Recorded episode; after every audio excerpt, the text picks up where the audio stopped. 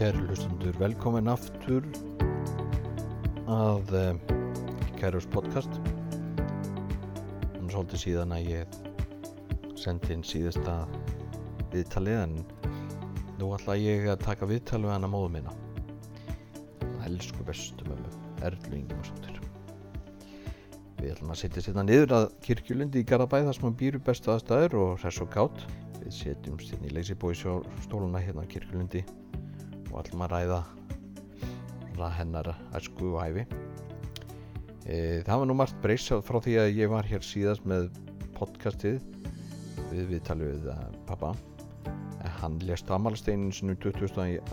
janúar 2020 en þá var faraldurinn ekki búinn að fá fastu og sem betur fyrir því að þá gáttu við öll fjölskylda verið með honum síðustu stundirnar og það var einstaklega ánægilegt að hafa náð viðtalinu við pappa hann á rásinni.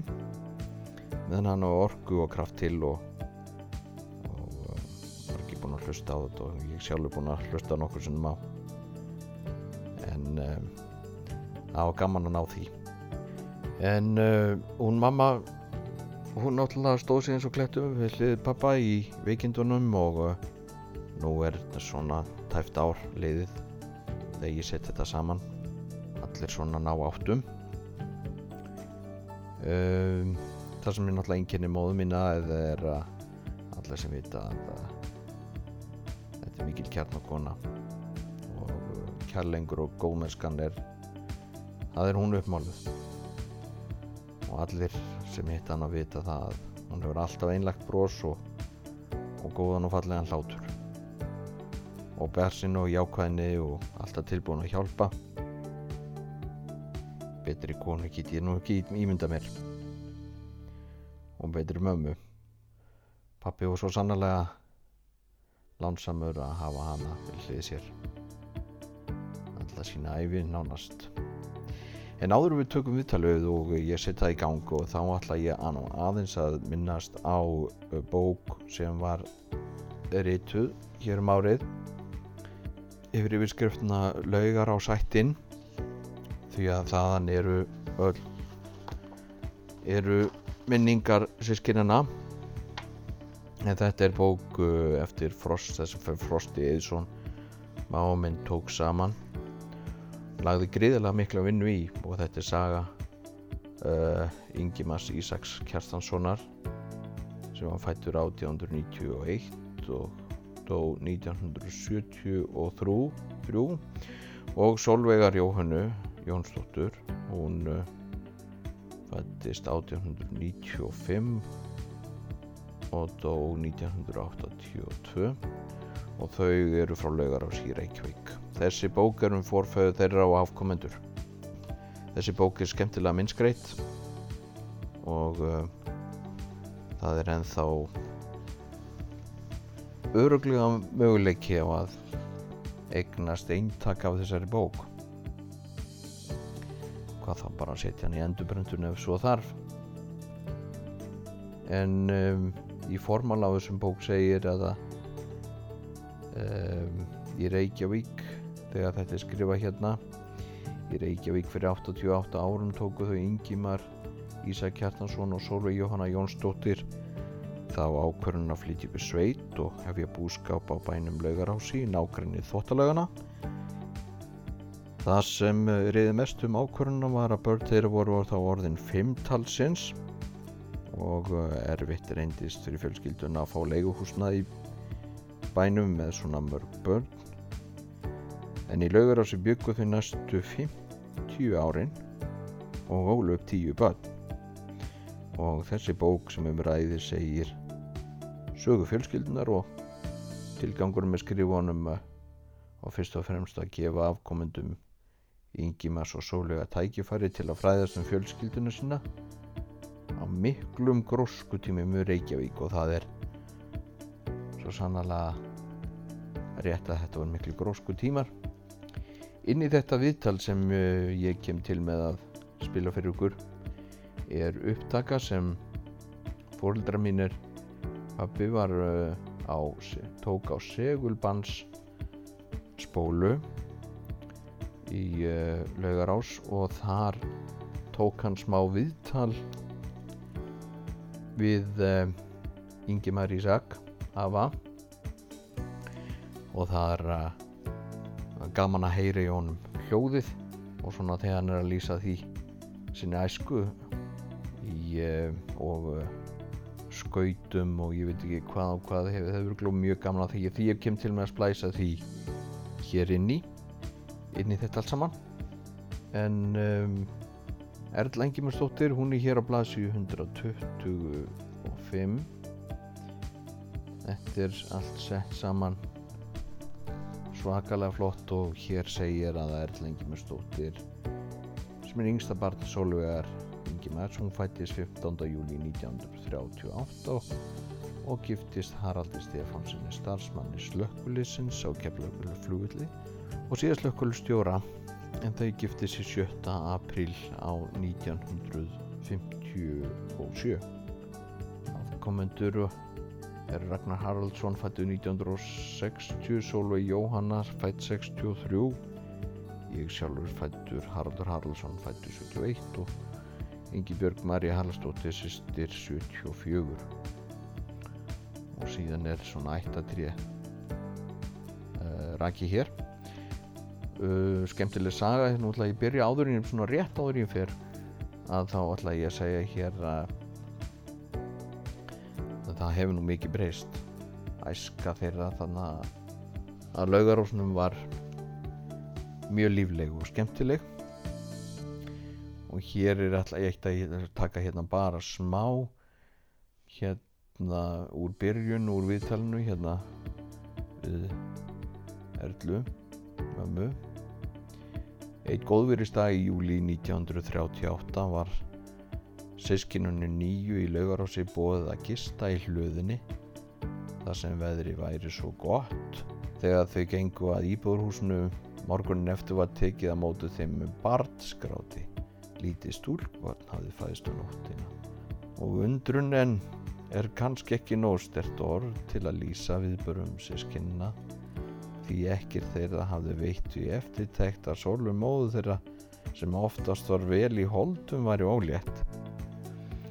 Og um, en Erla var langingst sískinna hún segir að fyrstu minningarnir sína tengja skólagöngunni en sjöru gömul fór hún í lauganeskólan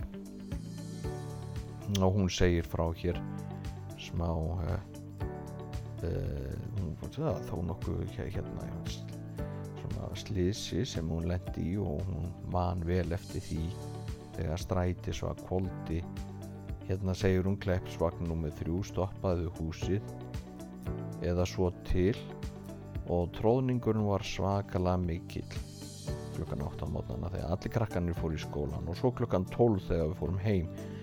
Strætisvagnin stoppaði á tveimur stöðum áður hann kom á gamlum sundlugunum á sundlugaveginum þar sem við fórum út og gengum við upp Reykjavegin til að komast í skólan en einn strætóferðin er eftirminnilegri en aðrar því eitt sind þegar ég var líklega sjör og gömul koldi vagninu vinstra megin við sundlugavegin og þar var skurður og hann lendi í honum.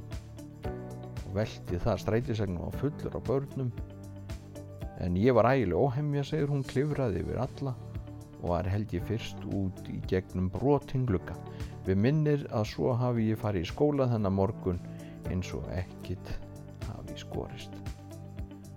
Og heimurum virðist virtist mjög lítill á þessum árum. Þá voru margi krakkar í nálefum bæjum meðal annars í lauga tungur sem við leikum við og á kvöldum var farið í boltaleik.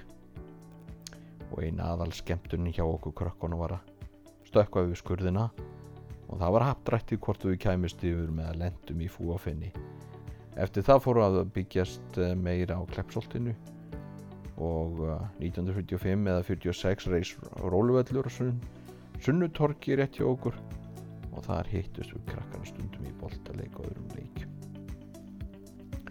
Og hér heldur hún áfram og ég ætla nú ekki að lesa þetta allt upp en, en hérna er grein um uh, uh sem var byrt í morgublaðinu 7. desember 1945 um uh, veldu á strætó á strætónum og hér segir strætisvagnin kvóldi í gær vildi það slýst til að Kleppsvagnin kvóldi. Tölvört margir farþegar voru í vagninu. En engi þeirra muni hafa meðist alvarlega. Strætisvagnin var á leið eftir sundlöfvegi en að mótu honum kom lögruglu bifrið. Voru bílanir að mætast er vagnin kvóldi út í skurð. Eftirlitsmaður strætisvagnin tilur orsökslýsins vera þá að að vegurinn sé þarna svo mjór að halli að skurðinum og sé nægi ógerlegt að mætast þarna það er gatan í snjóles hvað þá nú í hálkunni en uh, við látum þetta duga hér með upplestur úr þessari bók. En uh, við látum uh, við byrjum bara viðtali hér. Vonandi hafið þið gaman að. Ég kem nú eflust til með að skipta viðtalinu niður í nokkra hluta. Setjum þetta allt í gang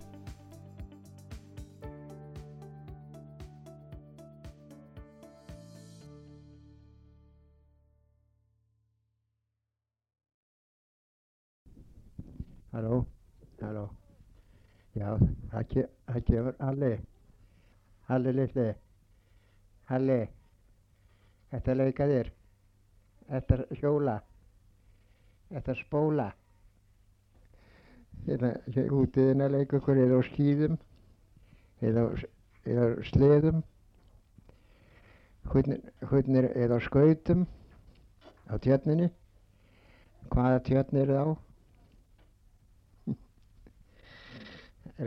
tjörn eða Rauðhóla tjörn Já. Skautana. Hefur ekki að skauta? Við vorum einu sinni á skautum þegar við vorum litli krakkar. Þá rendum við okkur voða mikið.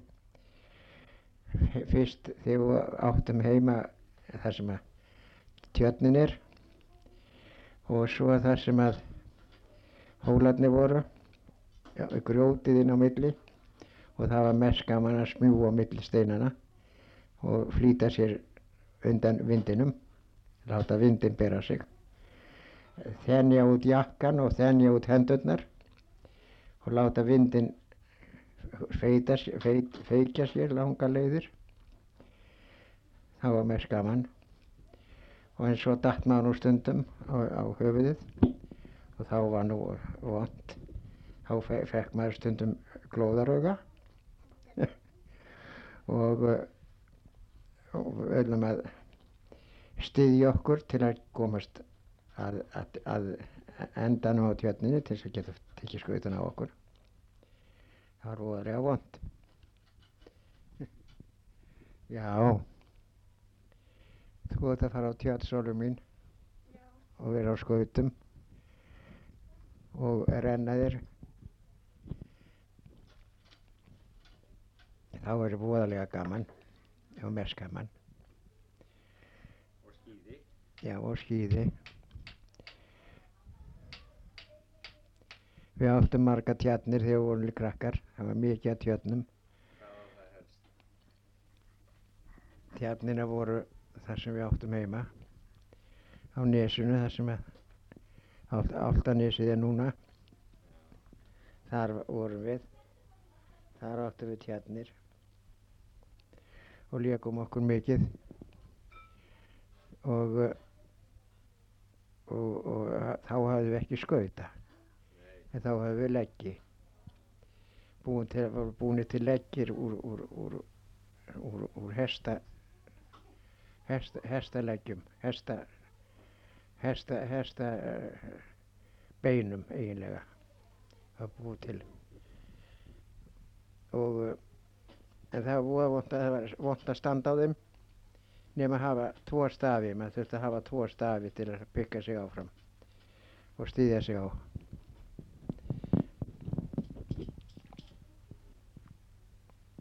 En uh, það var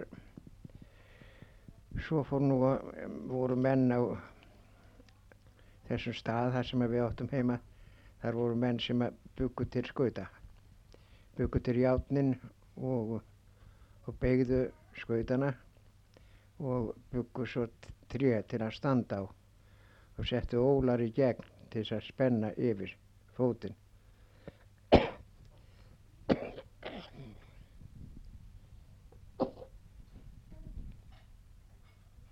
Já, Halli minn, elskan, þetta er komin að skauta. Nei, já, já, nei þú ert að hjóla, þú ert að hjóla núna elskan. Hann er undrand á þessu, já.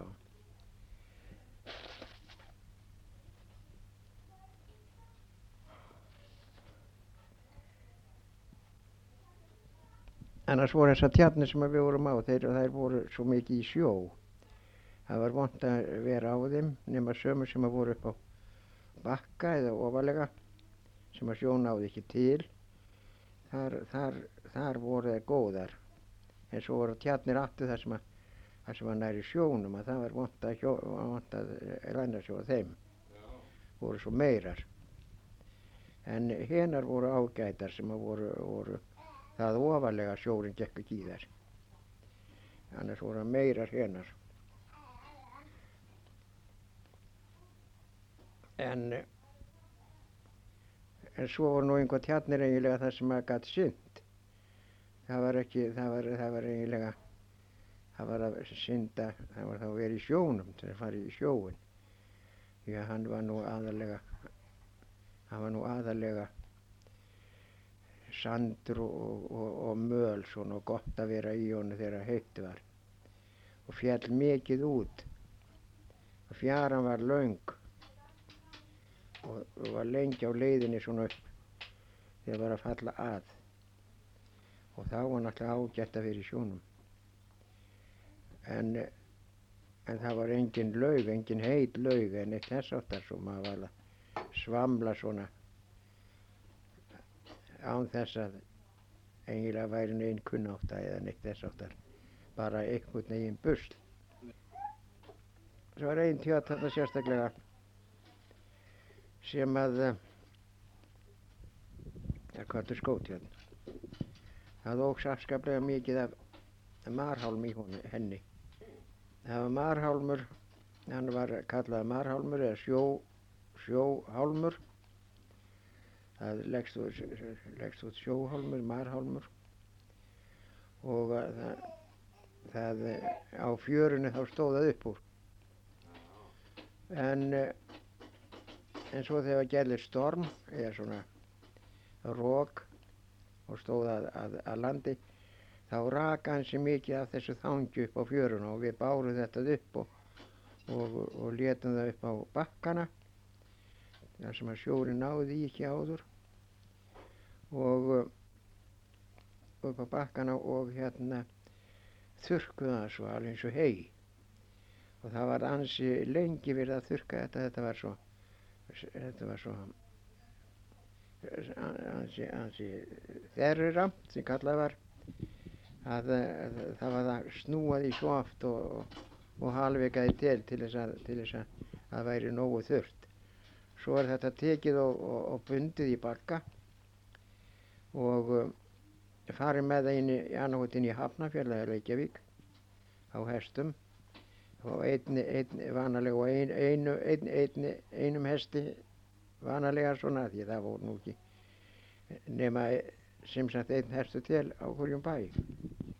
Og það var farið með á einum hestin í Reykjavík og, og, selt þar og notað í, í, í stopp í, í hús þeir verið að byggja hús innan, innan í húsið.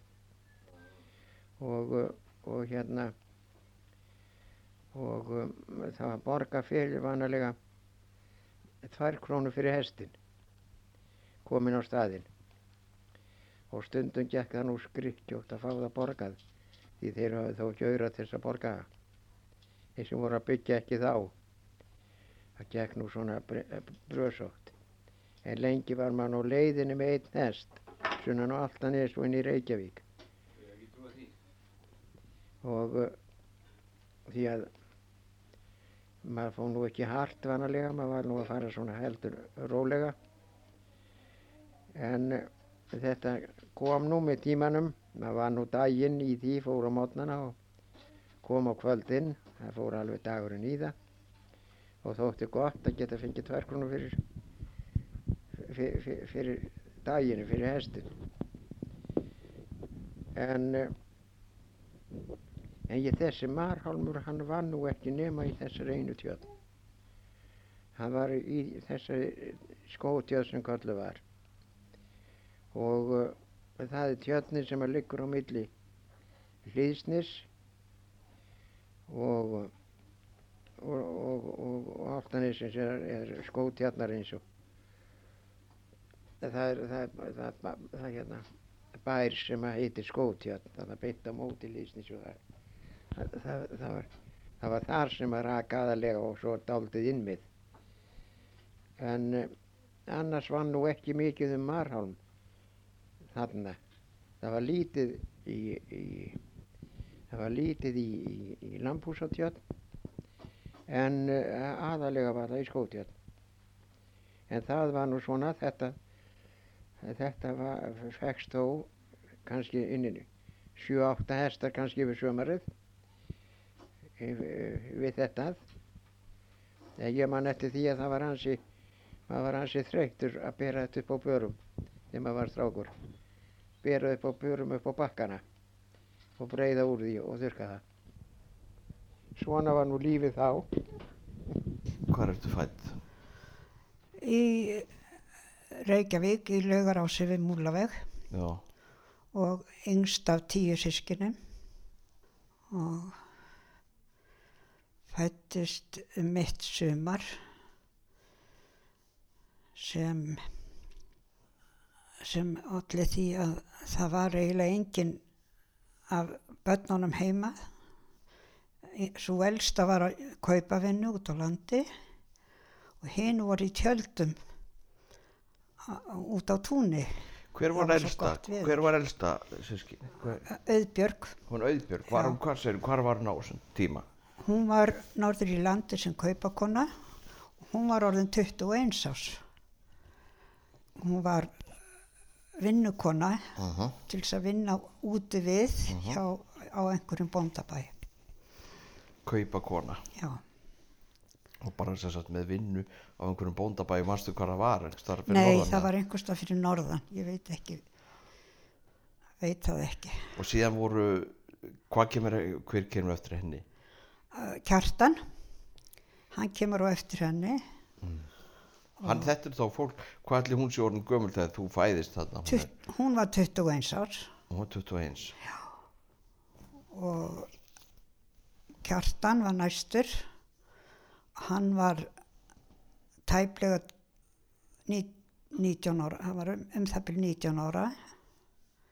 Og Ingimar næstur hann var hefur líklegast verið 17 16, 17 ára. Guðfinna kemur næst. Hún var fætt 21 og svo kemur Guðrún, hún var fætt uh, 23 og þar næst er Þórun, hún var fætt 26 Páll, hann var fættur uh, 28 og Kristinn 29 og Garðar 30 svo voru 8 ára á milli okkar Garðars. Þannig að þú ert langingst í hóptum, langu yngst í ofn langingst. já, Segð mér frá mömmuðinni og pappa, segð, pappiðin, hvernig fættist hann? hann fættist 1893 Er ekki eitt? 93 eða 91 einhver staðar, ég er hérna með laugar á sætta bókina, Já, það er það einhver staðar í kringu það. er það? Já, það getur vel verið Já. Hvar, og hvar, hvaðan er sá maður? Hann, hann var fættist og uppalinn á Altanesi Áltanessi. já, Og hvað var hann hérna, var þar fram eftir aldri og bjóð þær með mömmu sinni og pappa Já. og, og allt saman ægilega allar sinni tíðið það? já, Ha, já, svo fór hann austur á fyrði já, í, í sjómennsku og þar hitti hann mömmu.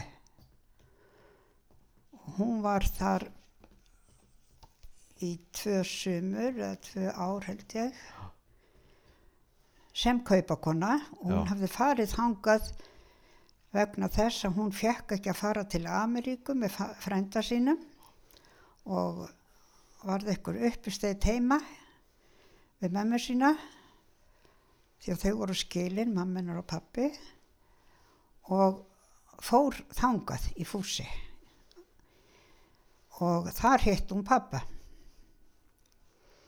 Hann hefur hann verið þar bara að land, hvað var hann var- sjómaður eða? Já, hann var sjómaður þar. Var sjómaður þar? Mm Var hann sjómaður allir sinni tíð? Nei, nei, nei. Ég held ekki. Nei, nei. Ég er bara ekki alveg klára á því, sko, Klár á hvað hann, hann gerði sem ungur maður, en ég veit hvað hann gerði náttúrulega eftir að þau giftust. Þar verður hann sjómaður, segiru.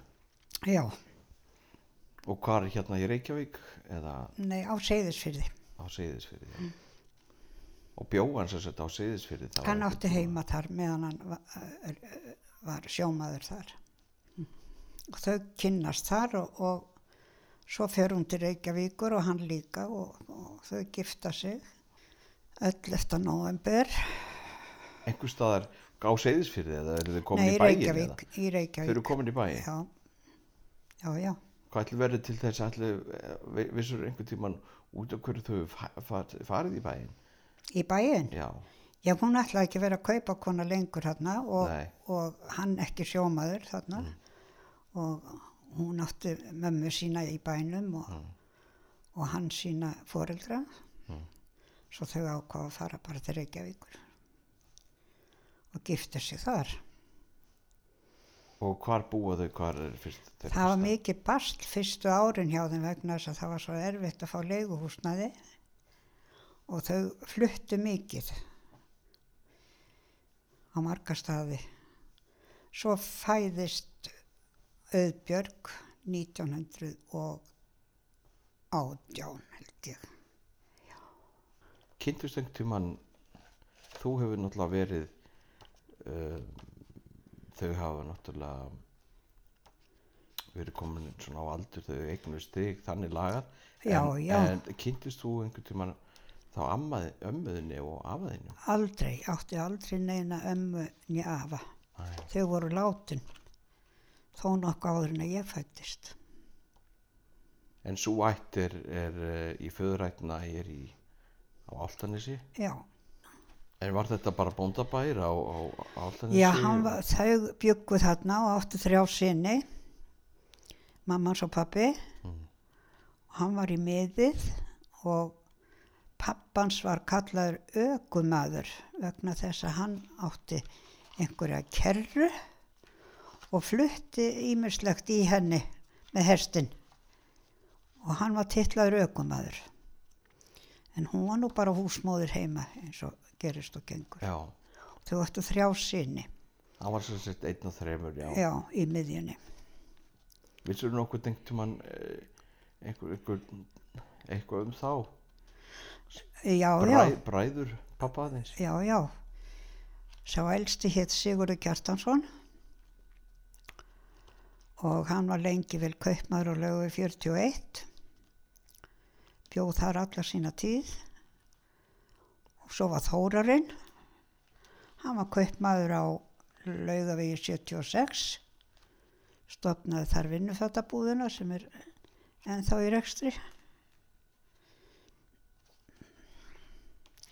Þannig að þeir eru báðu farið bara verið svona hálgerir frumkvölari í, í hérna viðskiptum og, Já, og, og, og búðarekstri og annað. Sigurður Kjarnason, hann fór til Ameríku að læra rafvirkjun.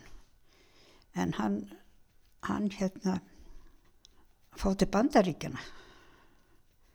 En hann vann nú eiginlega aldrei við það. Já, hann reyndar, heyrði ég að hann hefði fengist við að setja upp raflýsingur í fyrirtæki til að byrja með.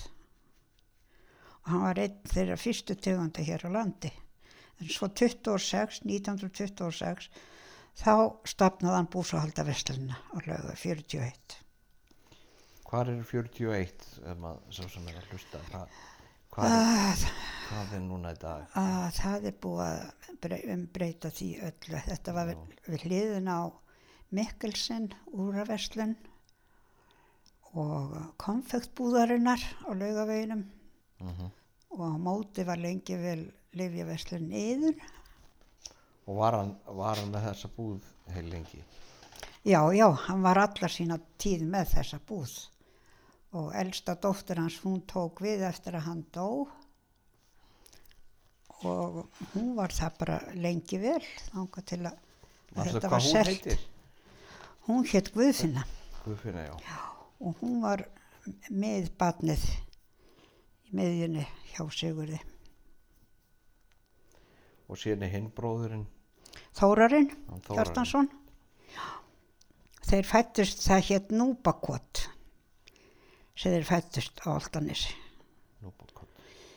En Þórarinn hann gekk í vestunarskólan og fóð til Danmerkur í fyrrarstriðinu og hann lærði þar gúmiviðgerðir. Og hann kom heim og stopnaði verstaði gúmivinnustofan og hún var til húsa á hotni Ingurstrætis og grundastig. Þangað til að Þórarinn kaupir húsa á lögu 76. Og pappiðinn hef, hann fór aftur á móti svolítið aðra leið. Hann fór aðra leið, Hann fór, hann fór á sjóin. já, vann- og, og gerði svo bara verkamaður í Reykjavík. En til að byrja með það þá stopnaði hann líka gumi vinnustofu Já. og hann var með hana lengi vel en ég minnir að það hef verið þannig að, að það varð bruni og hann slasaði staðis og hann hætti upp úr því með þessa gúmivinnustofu sem hafði verið alveg á gæt, ge- gert gott sko. Og eftir það að fór hann og var verkamæður í Reykjavík hjá bænum. hjá bænum og var við að, við að steinsmíða hafni, höfnina í Reykjavík eða eitthvað svona. Já, manstu- manstu líka. eitthvað og svo bara við alls konar sprengingar mikið verið að gera nýja vegi og, og lóðir og annað hann vann við sprengingar já. Og síðan Hjá fer hann á sjóin bara sem ungu maður já, og beint á Siglufjörð, segiru. nei, nei, hann Nei. var þegar hann var ungur sko þá fór hann til Seyðisfjörðar Það segi já, Seyðisfjörður. Seyðisfjörðar Siglufjörður hvergi, kemur hvergi. Seyðisfjörðar. já, Og á bát þar og leigir líklegast bara íbúð þarna á Seyðisfjörði. já, já, var einhversta bara í verbúð á samt öðrum Já. Og rýri út. Og, já en, en, já, þau hérna giftu sig sem sagt og, og voru gift í 57 ár. En á þessum tíma voru erfiði tímar og húsnæðisleis. já, Og fyrstu sjö árum byggu þau á fimm stöðum og á þeim tíma eignust þau fimm börn. Bæði gengu íbúðan að kaupum og sölum og svo vildu bara húsráðandri helst ekki leia barnafólki. Svo tu- 1923 festa þau kaup á húsi í laugarási og það stóð á 5,5 hektara landi sem var óræktað öðru leit en það var búið að gera þrjá skurði því meiri parturinn var mýri. Það var nú ekki álutlegt að flytja í þetta fyrir ungt fólk sem aldrei hafi verið í sveit. En það var annarkost að dugað að drefast og yngjum að kefti kú handaði því það var ekki hægt að vera með fimm börn mjölkulös og þar með var þetta búskapur. En hann hafði áður sko verið sjómaður bara frá fimm ára aldrei, fyrst á skútum og svo tógurum og mótubátum. En þegar hér var komið var lítið um sjóplás þegar hann fór að vinna þarna við gúmi viðgerðunar. En svo bara jökuðu við búskapin og rektuðu tún og það voru erfið ár, sagði mamma mér. En hún sagði líka að móður hennar var mikið hjá henni og hún var svotan forkur bæði til útvinnu og þjónustubröð og þegar við vorum búin að vera í sjö ár, segir hún, og þessum stað voru bönnin orðið nýju. Þá voru kýrnar orðna sex og nógur heiskapu fyrir okkur, fyrir kýrnar og tvo hesta og tíu kindir og þar að auki voru þau með gæsir og endur og kalkún og hensni. Manst þú eftir öllu þessu? Nei, ég man bara eftir að þau höfðu kýtnar. Já. Jú, eitthvað af hansnum og svona, en ég var svo pjöttuð sem krakki að ég, vildi, ég fór ekki eins og út í fjórs og vildi ekki koma nálátt þessu. Og ég fór aldrei á hersbakk. Þetta var ekki minn stíl, sko. En fréttið þú okkar með, með mömmu þína, Hm, mamma þín, já, að hún, hún hérna, mamma hennar og pappi, þau, þau skilja. Og já, eins og þú sagðir að það. Og, og það, það Hún fættist, sko, amma mín, já, Guðrún Tómasdóttir, mammanar mömmu, hún fættist á Efra Abavatni Grímsnesi. Og, og pappina Jón Jónsson fættur að kvóli í Ölfusi. Og þau voru húsmennsku á Reykjakoti í tíu ár. En þau voru búlaus en hann stundaði barnakennst á veturnar og kaupavinn á sömurinn. Og þau egnuðust fjöguböld. Það fyrsta fættist áið, það var stúlka. Svo eignuðustu dreng, hann komst á fjórða ár og hétt Jóhannes, en hann dá úr badnaveiki. Nú þar næst eignuðustu stúlku og hún dó á öðru ári úr kíhósta og hún hétt Solveig. Þau höfðu mist öll bönnin. Svo fættist mamma og hún var skýrð Solveig Jóhanna eftir báðum sískinum. En mamma hennar, hún var svo hrættum að hún myndi dæja, hún dreif sig í að komast í burtu. Hún átti sýstu sig hitt Guðrún og átti heima á Brautarholt á Kjallanessi og hún bauði maður að koma til sín og þau dreifur sig á stað þegar ég var sex vikna og það hefur sko verið erfitt ferðalega reyða mig innan sæng og faði minn teimdi hest með þann litla farangur sem þau áttu. En þau fengu gott herbyggi og eldús og mömmu fannst eins mikið til um þessa íbúð og nútíma konum finnst um fínu eldús.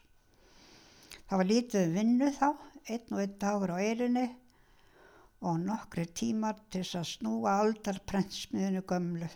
Mamma var mjög tápmikil og ósérhlifin en faði minn var allt öðruvísi. Hann var frekar veikböður og hann var nú ekki til erfiðisvinnu. Á Brautarholti bygguði í tæft ár og þá fluttiði vestur í bæ og búslóðin hún komst í stóra mógrind var sagt og hún var látin sitja ofan á öllu saman. En það var eitt atvik sem mamma glemt aldrei.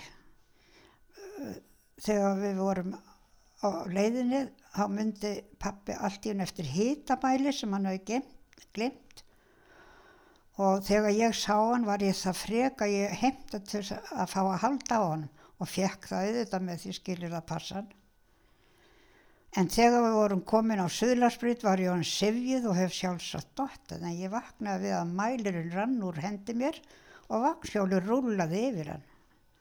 Og ég man enn í dag þessu litla atviki fyrir 78 árum. Ég man það eins vel og að það hefði gerst í gær. Hver skrifar þetta? Hver er að vitna í þarna? Veistu, A mamma veist, mín. þetta er, þetta er, Ég vitnaði mömmu mína. hver er, er þetta sem, sem, Þetta er mamma hennar og pappi sem Já. ég er að tala um. já, er þetta heimildir frá, Frá frá minni. mömmu? Er þetta sem þú, þú manst eftir eða? Nei, nei, nei, nei, nei. nei. Hva, hvaðan, hvaðan, hver skrifar þetta? sko, ég er Veistu- veistu heimildir, heimildir frá mömmu minni. Já, frá, frá bókinni sem hann Frosti gerði um ættina. já. Og þetta eru, þetta eru svolítið skemmtilegt viðtal Já, þarna, eða hún eitthvað frásög.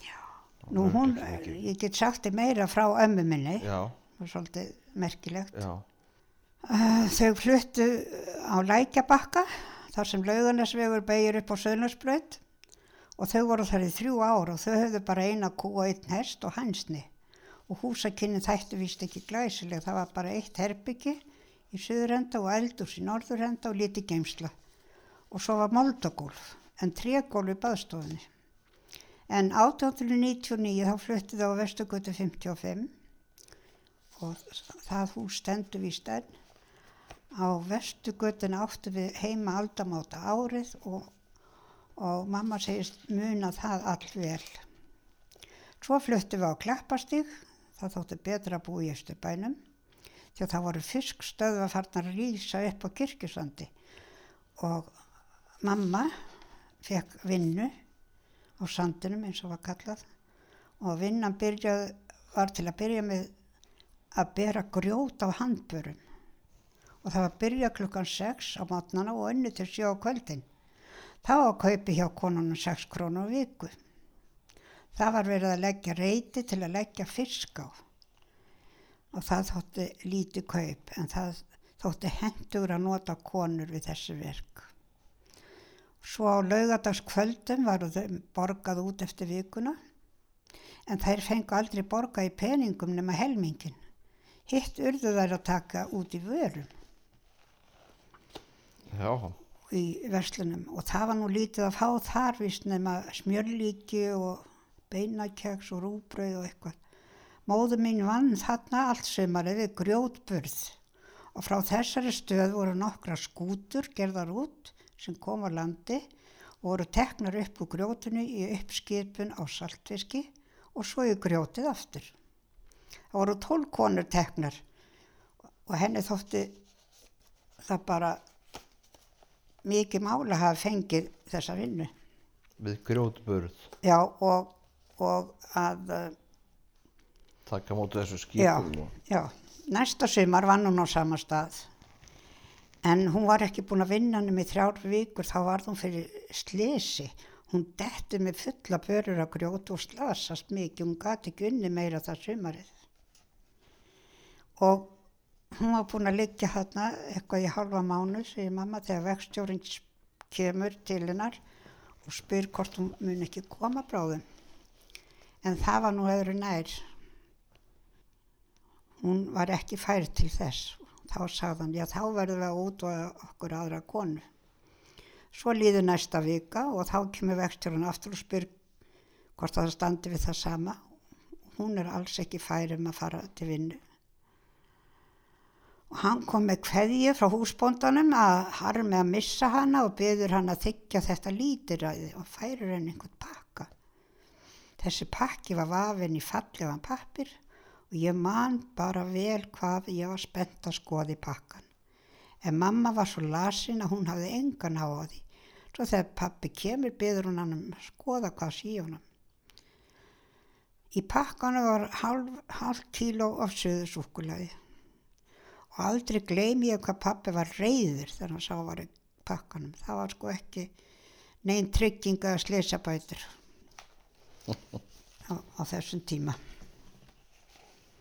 En pappi minn var svolítið á reiki með trúabröð og reyndi að fá mig til þess að aðhylla sérstakra trúakenningar og hann gekk í söfnið í sjöndadags aðvendista. En mamma vildi það alls ekki og held fast við sinn keip út af þessu risustundu töluverða deilur og það var eina mótlandi sem ég var á mínum barnsaldri. Og um tíma var ekkert að gera svo pappi fór að kenna börnum og ég var þar með. Kom svo skólaskildan til tíjara. Ég var látin í skóla sem Davíð Östlund sett á stofn. Þar var ég í skóla í tvo vetur. Þegar ég var 13 ára var ég látin í skóla á börstæðastið þrjú og skólastjóri var það maður frá flati og það ymsir þar minnistæðastir voruð 1909 var ég svo femd þá var Ólafur Ólafsson fríkirkjuprestur sem hafði skýrt mig. Hann hafði verið starfandi prestur á Arnabæli Ölfusi.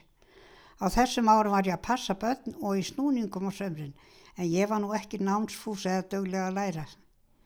En þrátt fyrir það fór ég 1911 í fyrsta bekki kvennaskólanum og var það líka 1912 svo nefndi ég ekki lengur á námsbröðinni og um fó, vorið fór ég austur á Seyðisfyrð sem hún var í, í þrjú sumur og þar hitti ég Ingimar.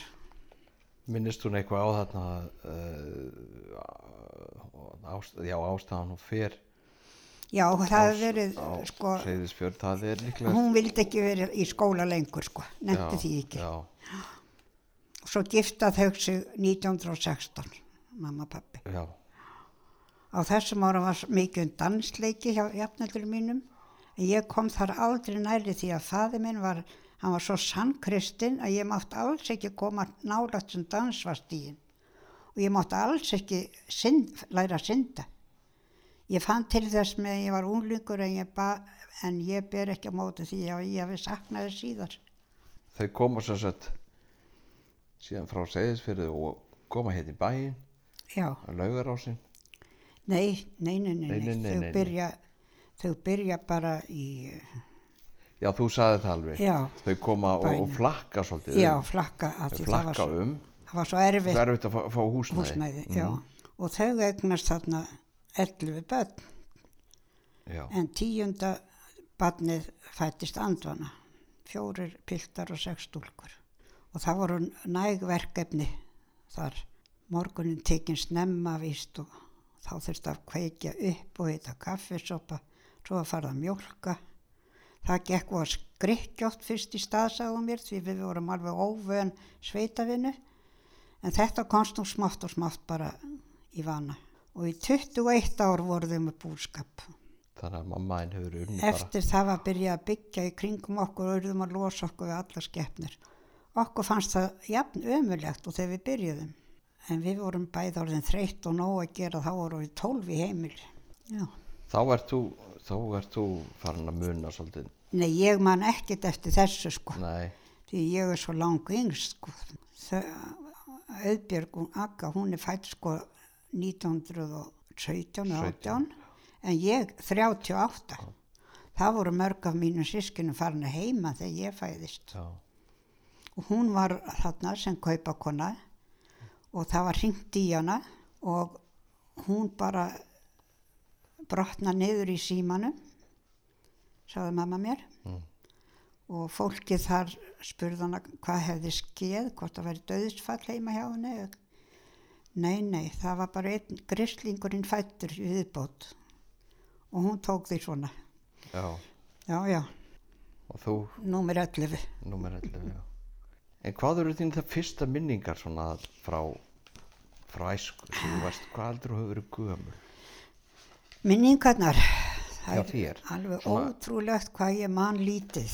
Já, frá, frá bara, æsku. Frá æsku sko. Það Já. var bara, þetta rann svona bara viðstöðulegst og bara rosalega góð æska. Þetta var frjálsræði. Já, og mikið um, um fólk sem kom heim og í heimsóknir og annað, þetta var að byggjast þarna í kring. Heilmikið og mamma átti marga vinkonur.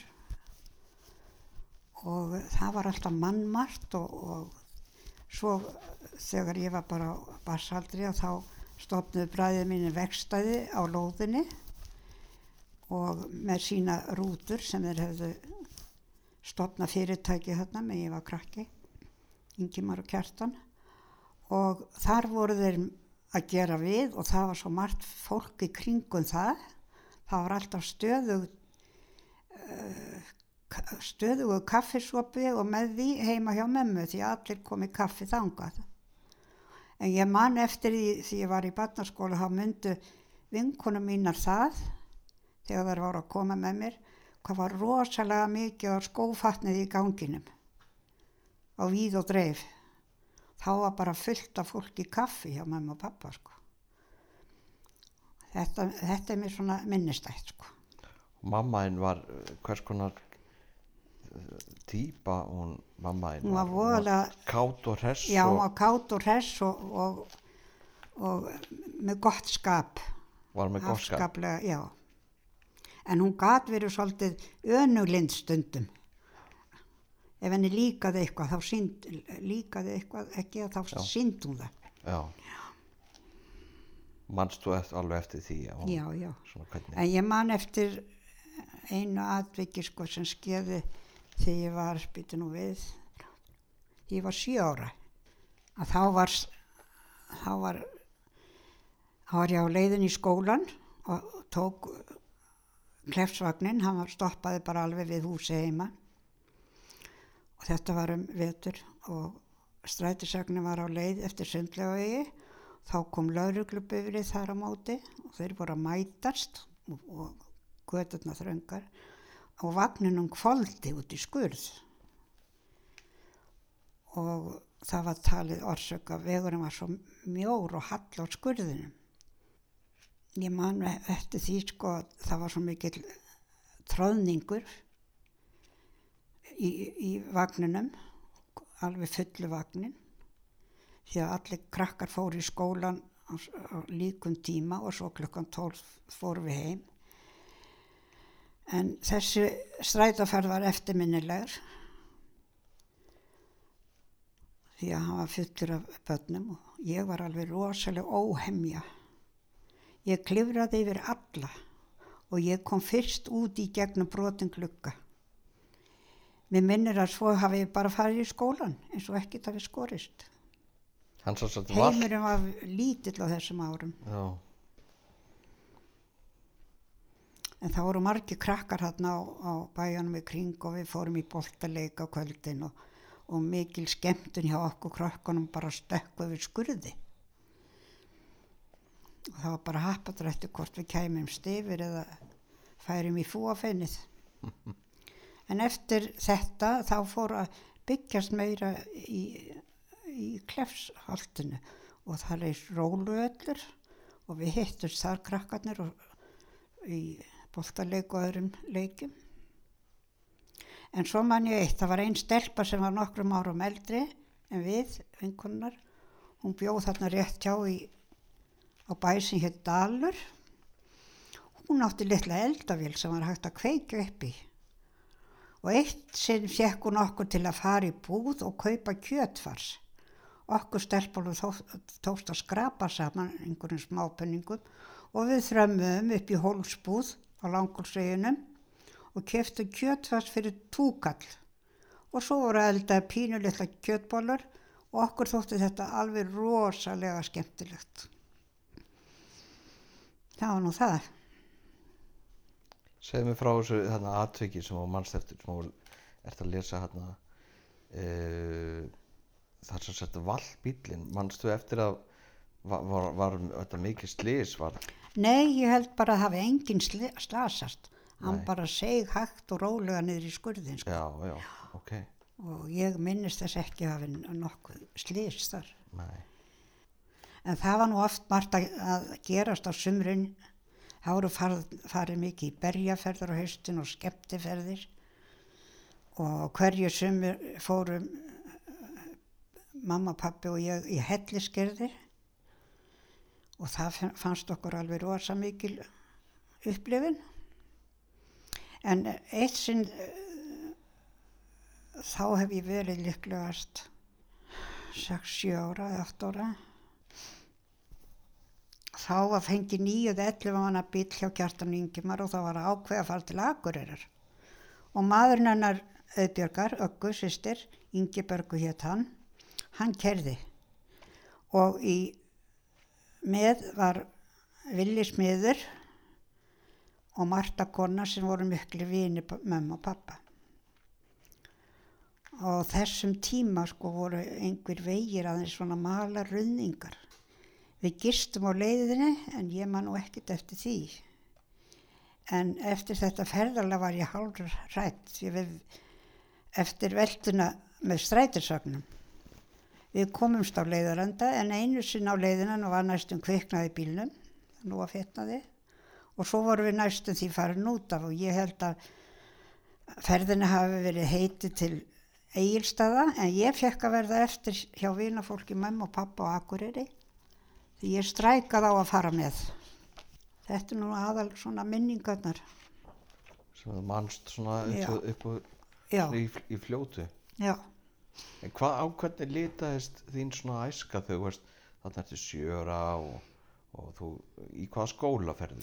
Ég, í lauganarskólan lauganarskólan, já og þá tók maður þennan strætó eða mm. lappaði mm -hmm. eftir engjaveginum og þá hitt ég vinkonu mína sem við verðum vinkonur í barnaskóla Valdís Viljánsdóttir hér tún mm.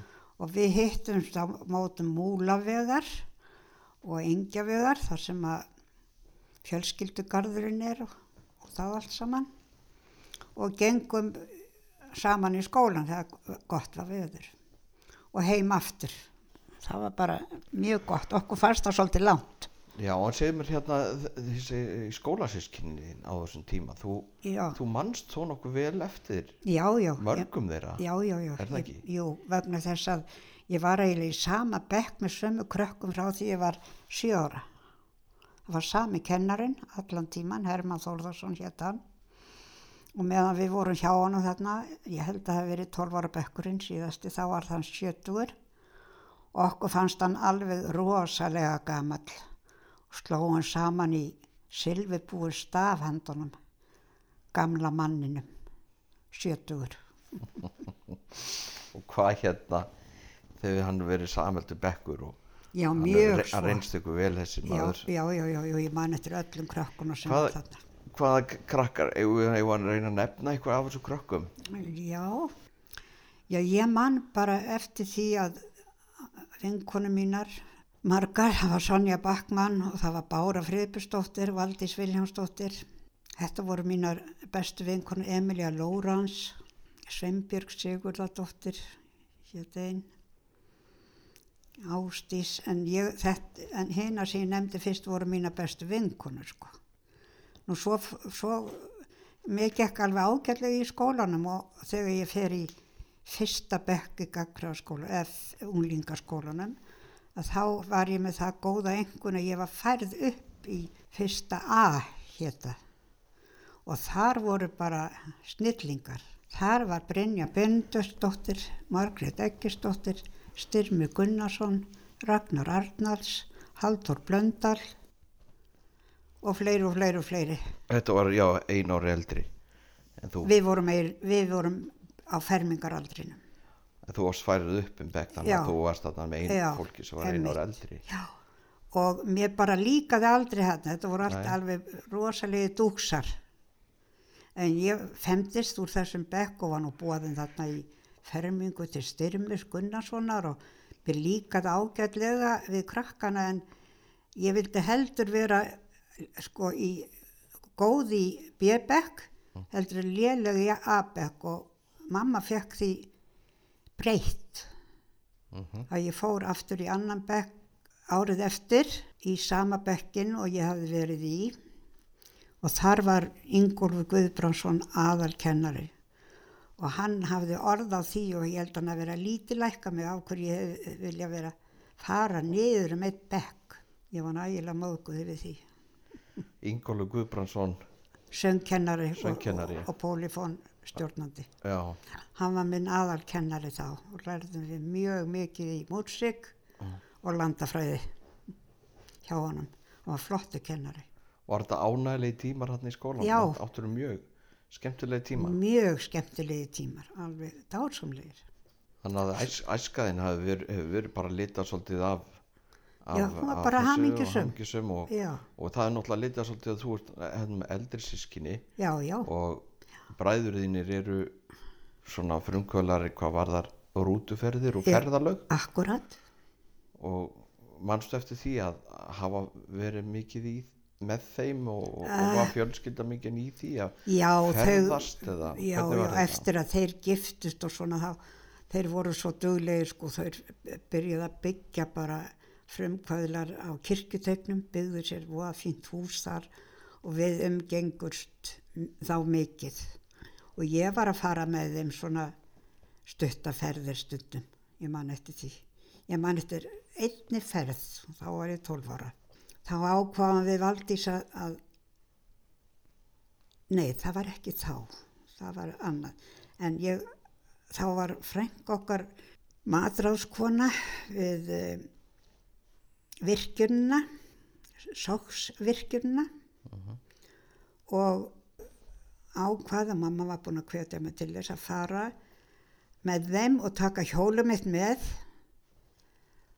Og hjóla tilbaka til frængunar sem átti sumabústað á Áltavatni og ég man eftir að ég gerði það, ég fór og hjólaði tilbaka og ég var árðin hálf stressu sko, mér fannst þetta svo rosalega langt. Ég held ég hafi verið sko þrjú kortir á leiðinni. Og ég fann að halda að ég finn þetta aldrei. En það fór nú samt allt vel. Svo tóku tók kjartan eða ég man ekki hvort það var kjartan eða yngi sem kerði tókum upp þar setnum daginn. Þetta var eftirminnilegt mjög eftirminnilegt. Þannig að þú, þú ert þarna komin á fermingaraldur komin á fermingaraldur eða, já já, ég eða var 12 ára. svo 12 ára? Og uh, síðan femtist þú og já já, er það ekki kveika á kirkju, marstu hvað það var? já já það sjá sér að Garðari Svafasinni í Lauganiskirkju 8. april 1952 og síðan eftir það þá þá var, hvenær líkur síðan skólar þá var orðin unglingur sko. Þú ert á núlingur hérna. og svo ákveði bara ég færi í þriðja bekk, ég vildi ekki fara í landspróf, ég vissi að það var mikið erfiðara, svo ég fó bara í venjulegan þriðja bekk í Gagfráskóla Östubæjar og var þar tvö ár en rétt um veturinn, þá er ég 15 ára, þá heitti ég pappi ykkar, þú ert uh, 15 ára gömul. Ég er 15 ára gömul, hittust bara balliðar. hvar, hvar voru þið? í, í Gagfráskóla Östubæðir, það var bara skólaball. Skólaball, já. Og hann var svo mikið dansari og ég var nú ekkit ógulega flinku dansari en mér var samt gaman að dansa en við hittumst þar. Og hann sagðist nú hafi verið búin að taka eftir mér þarna við þetta vegna þess að ég var í svo rosalega fallegum bomsum. Og bomsutna voru amerískar vegna þess að ég fekk svo oft pakka frá sýstur mínum sem byggu í Ameríku.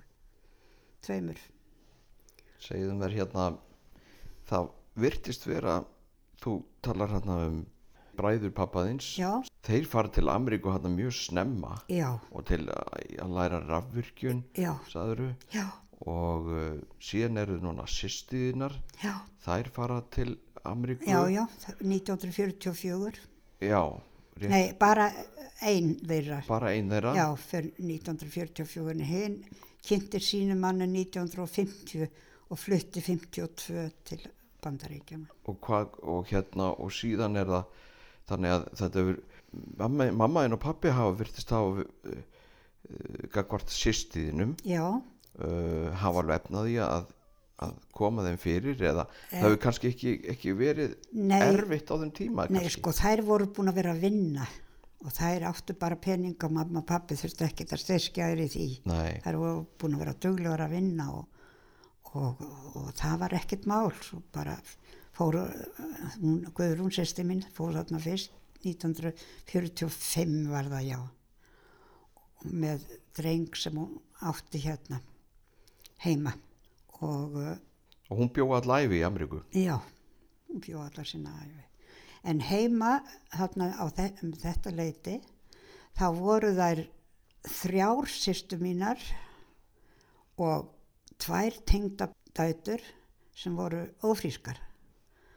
Og, þr og, þrjár sýstu mínar áttu á sama ári 1944 börn. Svo það var nú heldur betur fjör í laugarási þá.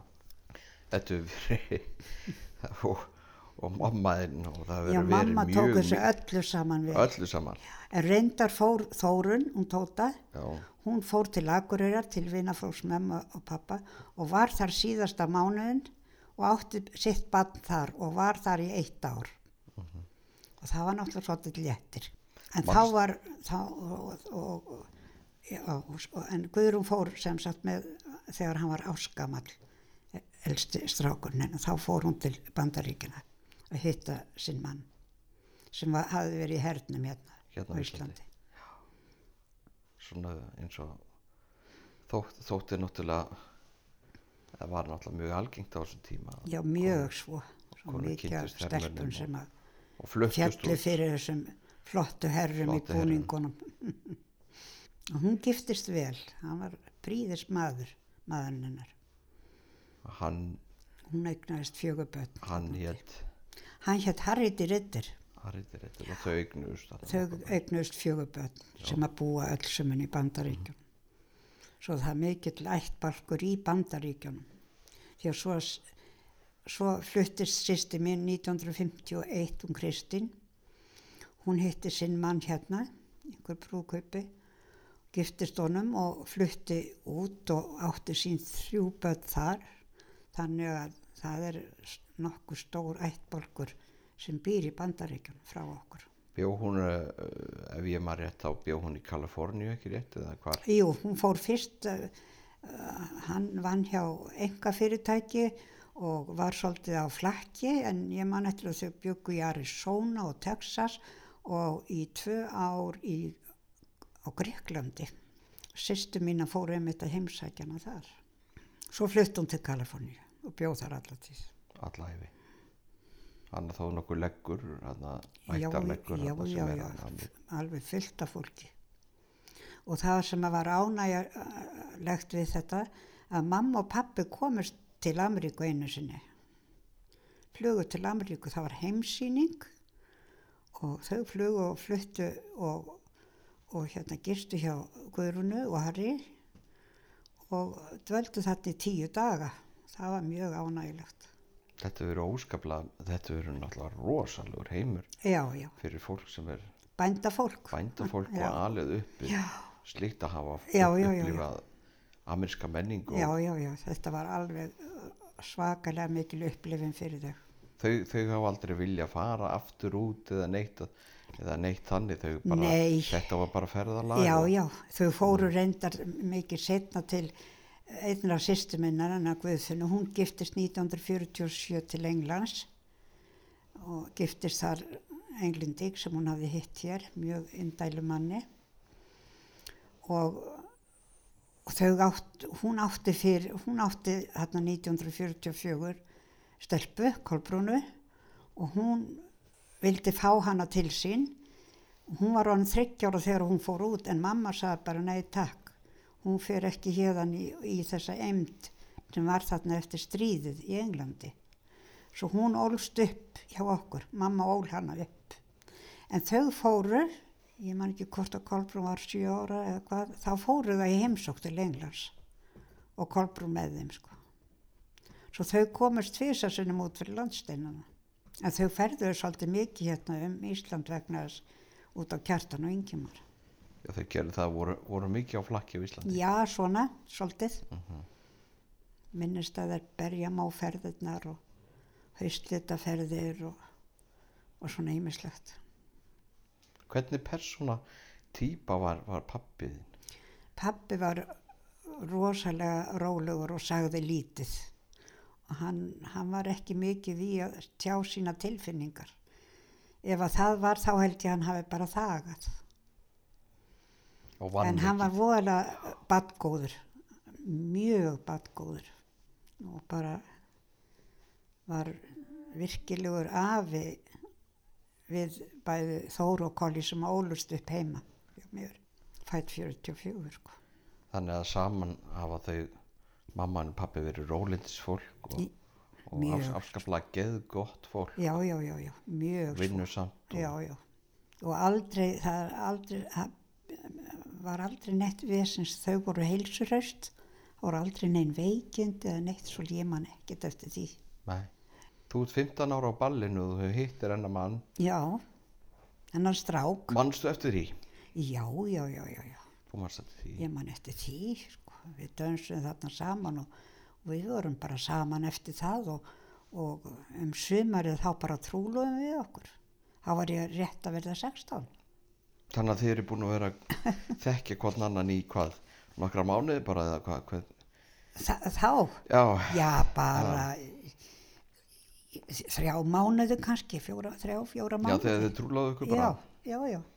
En segðu mér, uh, varst þú að vinna uh, í bæ eitthvað í, Ég, með, með í- skólanum. með skólanum og í, í kringu eftir Já, já, og, eftir fermingu fór ég og, og til fólks og var það svona bara eins og vinnustúlka, þá var ég ekki nema 15 ára, hjá hjónum á Grönemil, hann hétt uh, Tómas Pétursson, var velþektur heilsali hérna í bæ og, og hún mikil mektar manneskja, konan hans og ég fór í vist til þeirra.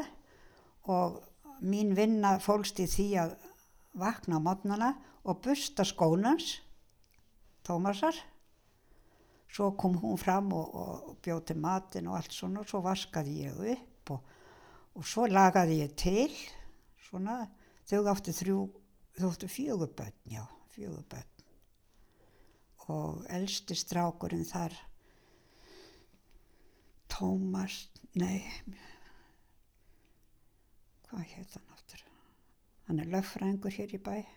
Og hann var ekki nema þremur árum yngri ég en hann kallaði mig vinnukellinguna. En ég hafði bara gott af þessu ég hafði herbyggið þar på lofti. Og svo var, voru þau með lítið, litla versmið í kjallaranum og voru að búa til sett við Arsington og fleira flöskur og ég fekk að vera þar sko þegar lítið var að gera hjá mér. Tappa á og svo les svo árið eftir að þá vildi hún fá mig aftur en þá vildi ég nú fara í betur borgaða vinnu. Og þá fór ég að afgreða í Dairy Queen ísbúðinu hún var á laugaveginum og út á högum líka. Og þar vann ég ég var 16 ára. Í, í þessari ísbúð eða mjölkubúð eða já, ísbúð? ísbúð. Já, já.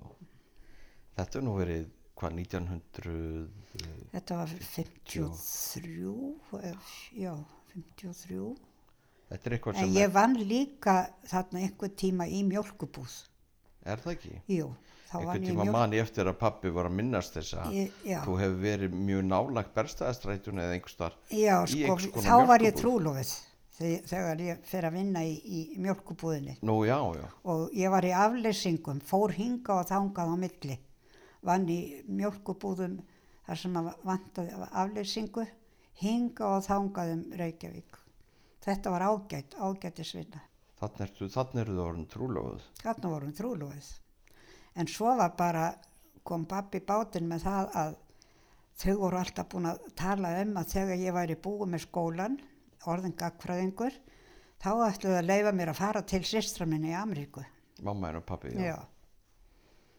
Svo þegar það var og við vorum trúluð þá vildu þau bara endilega að þau myndu efna lofvorði sko. Og ég var alveg til í það. En, en Sem Halli minn trúlo- var nú ekki alveg sem trúlofið. honum Já, og að átt að senda þig til Ameríku já. Og hann var nú ekki beint hrifin af því. ég ekki trú, ég ekki trú að því Og hérna, og áttu þeir, þeir eru átt samtal sko Já, já, já, já. Svo bara fór ég í oktober með Skymaster flugvél og var 14 tíma á leiðinni. Millilendum í Gander og svo kom ég til Ameríku og það sem skall á mér þegar ég kom út, ég var í minni sparikápu og nælonsokkum og háælum skóm. Það var hiti, svo ræðilegur og mér fannst það alveg merkilegt sko og svo allur skóurinn og tréen sem ég sá sko þetta var byggil upplifin er það ekki? jú, jú, jú, og þú lendir hvar? á, á uh, Idlewild hérna og setna Kennedy flugvöllur í New York. Og það er sýstin og hún tekur aðri móti þér já, hún var nú ekki komin þegar ég kom. Mm, og ég var alveg í vandræðu þarna í ljósbláu kápunum minn og, og, og háhælum skóm kósveitt.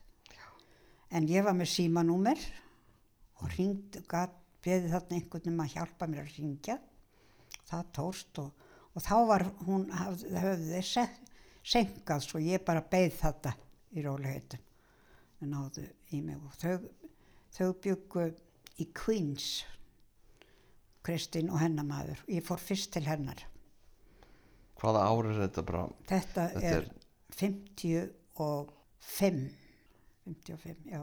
þetta eru skemmtilegt að koma hérna úr, Já, úr þessu bændasamfélagi þannig lagað já.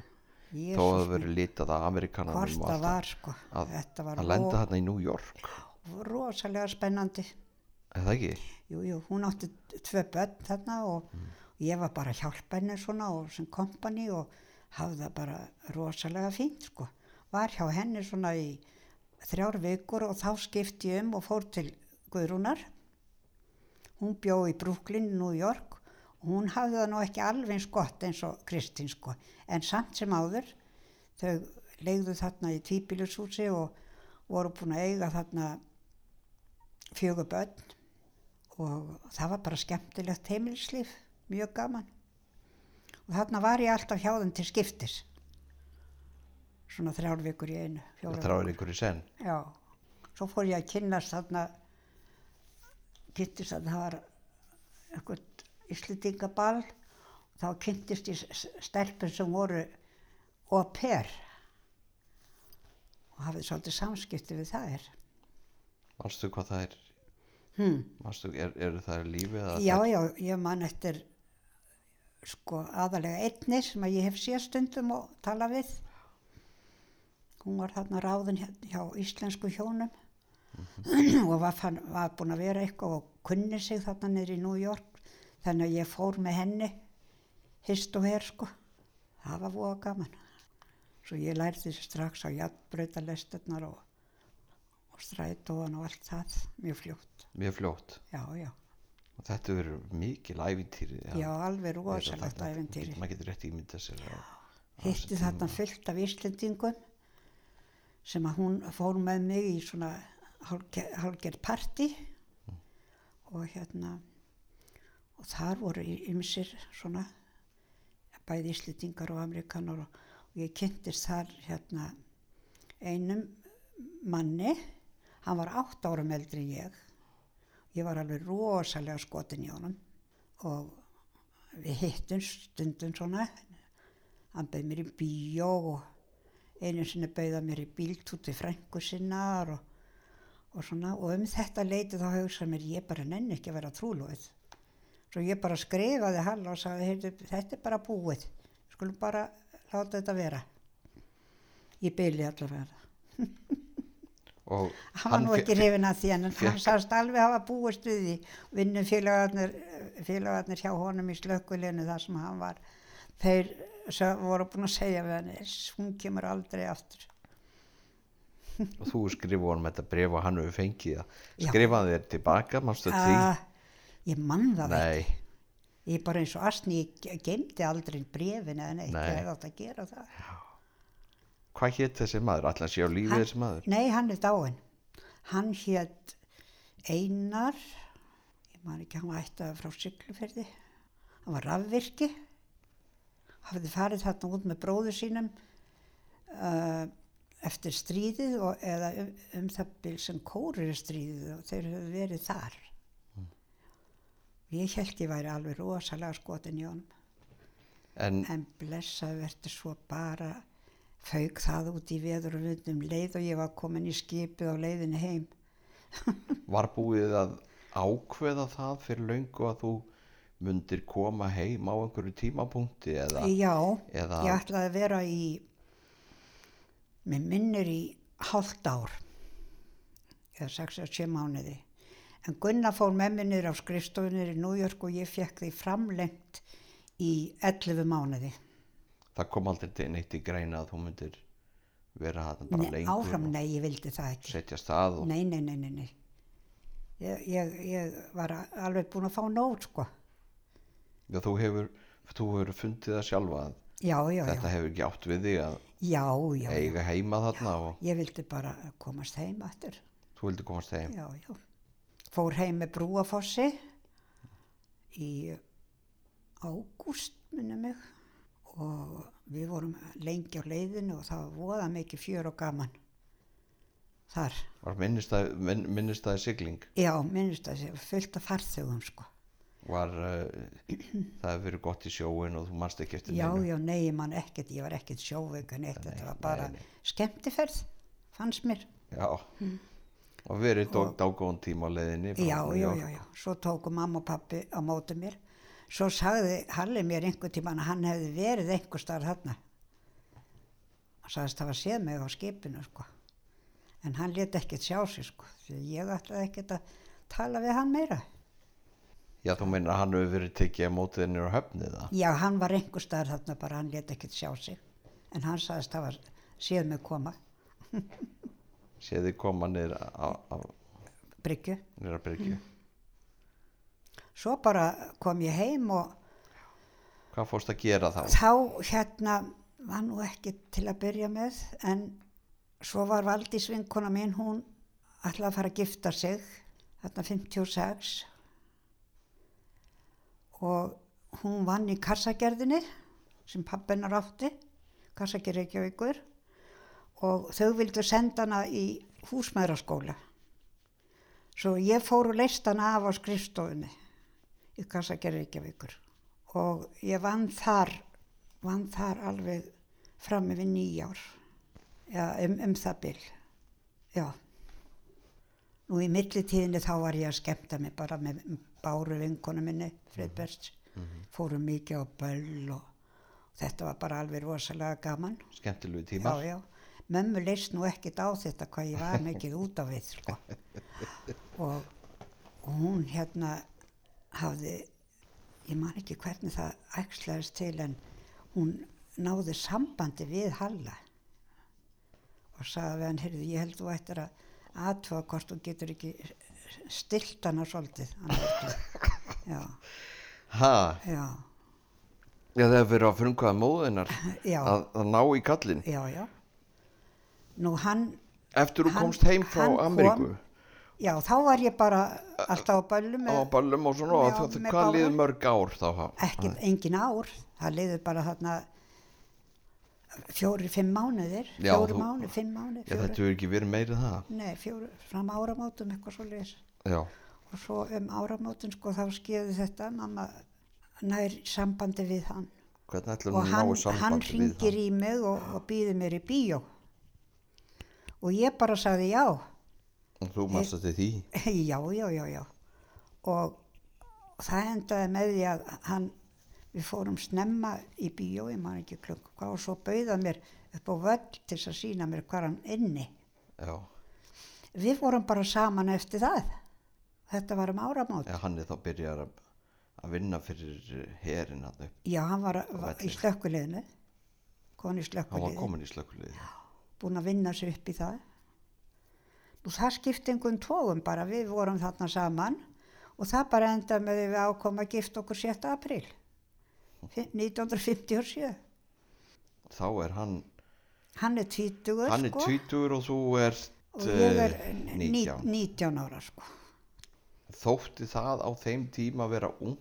Það var, veistu það, að það var svo algengt að krakkar eða unglingar á þessum aldri, þeir gifti svo og fóru heimann.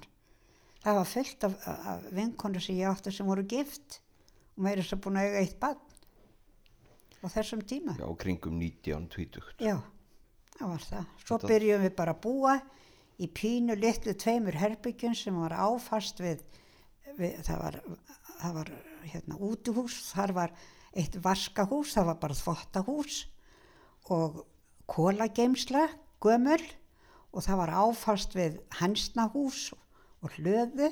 Þetta voru tvö innréttu herbyggi sem höfðu verið innréttuð fyrir sískinin sko, því það voru svo mörg, það voru ekki nema tvö svefnbergi í laugarási sko og svo borstof og stofa.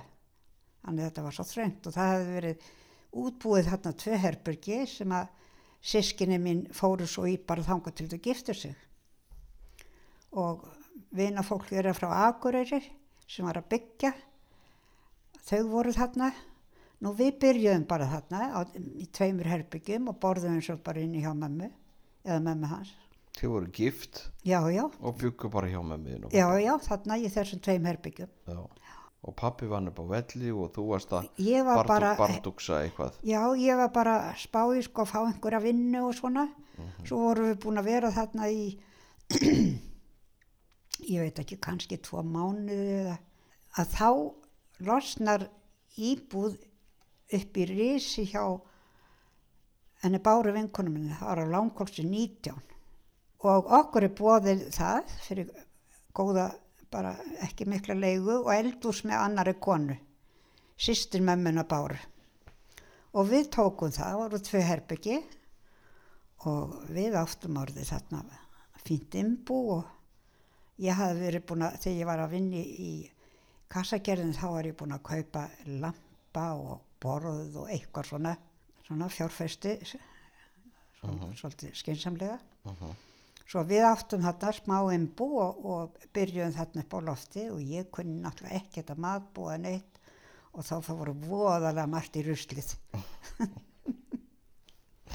en allavega þetta gekk einhvern veginn og þarna byggum við bara og við áttum, hann átti jeppa, Mm. emmitt og hérna, svo þá var auglýst að ætti að fara að byggja upp á laugarásnum, tólf hæða blokkir og, og það var einhver mjög lítil útborgun og hægt að vinna hjá byggingameistaranum upp í íbúðunar. Og hann bara ákveði það, hann alveg, pappiðin, taka þátt í því. Taka þátt í því. Og það endaði með því að hann vann þar hjá þessum byggingameistara. En honum fannst þetta rosalega erfitt, hann vann þarna þegar hann var í fríi því hann var í vaktavinnu. Og ætlaði að hætta þarna eftir hérna þrjá, fjóra mánuði. En byggingameistarinn hann taldi hann á. Haldu áfram þú, þú, þú ert eftir að finna vel fyrir því að þú ert að gera rétt. Komdu bara hérna í bílskorun til mín og málaðu glugga og svona og, þetta kemur bara upp í. Og ertu svolítið duglegur að mæta. Og hann gerði þetta. Og það endaði með því að við heldum áfram. Hvað hétt þessi maður þessi? Sigurður Pálsson byggingamistari Sigurður Pálsson. Já, hann byggði hérna byggði svo margt hérna í Reykjavík og meðal annars alla dalsbyggðina hérna í Garðabænum og, og já, alla dalsbyggð og, og, og hverfið þarna bara hérna í stórt hverfi í, í, í Garðabænum. Var lengi vel með búð líka byggingavera Veslin Sigurða Pálssonar. Og svo hann var eiginlega velgerðamaður okkar. Hann Þessi hjálpa, maður. hjálpað ykkur þarna já, að koma ykkur fyrir já. alveg í Nú byrjun. svo bara endaði með því að, að hérna, þessi íbúð þarna við dró og þetta var aft að draga þetta, þetta, var, þetta tók ansi fljótt byggingu. Mhm. Já, já, ég læt það nú vera. Þetta, þetta var sko 1958 og það átti að vera tilbúið um árum á 60 en það dróst nú eitthvað þannig að við mistum íbúðina, hún, þau voru búin að fá leyendur við heldum við færum fyrir út. Þannig að við fengum leiknir á laugafur 76 upp í Risi í vinnufættabúðinni og bróður hans pappa. Hann var nú reyndar látin þá en Guðrún konarnas hún legði okkur. Og við hefðum þar þrjú herbyggj og pínulítið eldúrs og það bara fór vel um okkur en þetta var upp á fjórða hæð. En það var allt í leiði, við vorum ungur þess. Og þarna vorum við og þá fór ég að vinna hjá systrum sem að ráku snirtuvörubúð á laugafur 76, svona litla snirtuvörubúð við hliðin á kjötbúðinu Borg sem var bara þarna niðri í næsta húsi. Og þar vann ég hjá þeim alveg þanga til að Ragnar fæðist 1960. en þið flytið náttúrulega í þessa blokk eða ekki? Jú, svo flytjum við í blokkina þegar hann var sjö mánada, sjö, já, minni sjö mánada. þannig að hann, En ég, það var, það, þannig, ég gæti ekki þvegið neitt þarna. Svo ég fór stundum með batnavagnin inn í laugarás. Þá var Halli búinn að fara með þvottin. Þeir áttu bílfélagarnir hana, sem í slökkuliðinu og skiptust á að hafa hann og hann fekk hann, fekk hann lána hann svona og skuttlaði tauginu fyrir mig þarna inn eftir svona einu sinni mánuði eitthvað svo leiðis annars bara þvoði ég í höndunum og allt þarna bara á, í eldúsinu af, af Ragnari þegar hann var lítill sko. En Ég lappaði frá laugaveg 76 og inn í laugarás til þess að fara þvó. En Ég gerði það náttúrulega ekki nema þegar veðrið var gott. Mér fannst það bara alveg ágætt og lengi á leiðinni. En svo flytjum við þarna þegar hann er sjö mánuða á Östubrún 2 á tíundu hæð og það þótti alveg rosalega fínt á þeim tíma sko. Alveg teppalagt allt og hann vann alveg rosalega mikið í íbúðinu, hann bara gerði bóstalega allt. Hann málaði og hann var svo flinkur málari að málari þarna í húsinu, hann bauð honum að koma sem lærling Mhm. en hann vildi það nú ekki því að hann var í góðri vinnu þarna frá. Hann gerði allt, hann lakkaði og málaði og lagði teppi og gerði alla skapaði hluti. Og þetta var lítil, minnir að hún hafi verið 48 fermetrar eða 50 og það var stofa með altanir sem snýri í suður, ágætis bað og pínu lítið eldús þannig að við hefðum bara borðið fram í stofinni og lítil geimsla sem hann stúkaði af. Okkur leiði alveg rosalega vel þetta. Það var flott íbúð. Vorum meira að segja með lítið sjónvarp sem hann hafði náði í þarna upp á velli og það var ímest fólk sem var að koma til okkur og fá að horfa sjónvarpið, á að kanna sjónvarpið. Já, það hefur ekki tekst á þessum tíma að eiga sjón. Já, já, já, já. 1960. Já, já. 61. Svo það var bara mjög gaman og vinafólk okkar átti heima þarna á fjórðuhæð og önnur skólasestir, hún var skólasestir mín svo önnur, hún átti heima neðar á, á kleifarveginum svo það var mikill samgangur.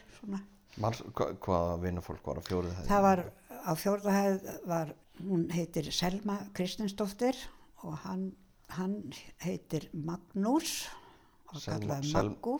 Selma Maggu. Já, Selma Maggu og hann stopn, stopnaði Garra, heildsöluna og, og nafni hans, svonur hans, rekur það núna.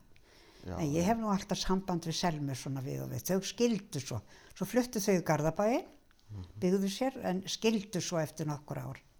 Og svo var það Vilborg Átnadóttir og Hafþór Ólafsson, þau byggu á jarðhæð í húsi, stóru húsi sem pappi hans átti. Hann var múrarimestari og Haffi var múrarimestari líka.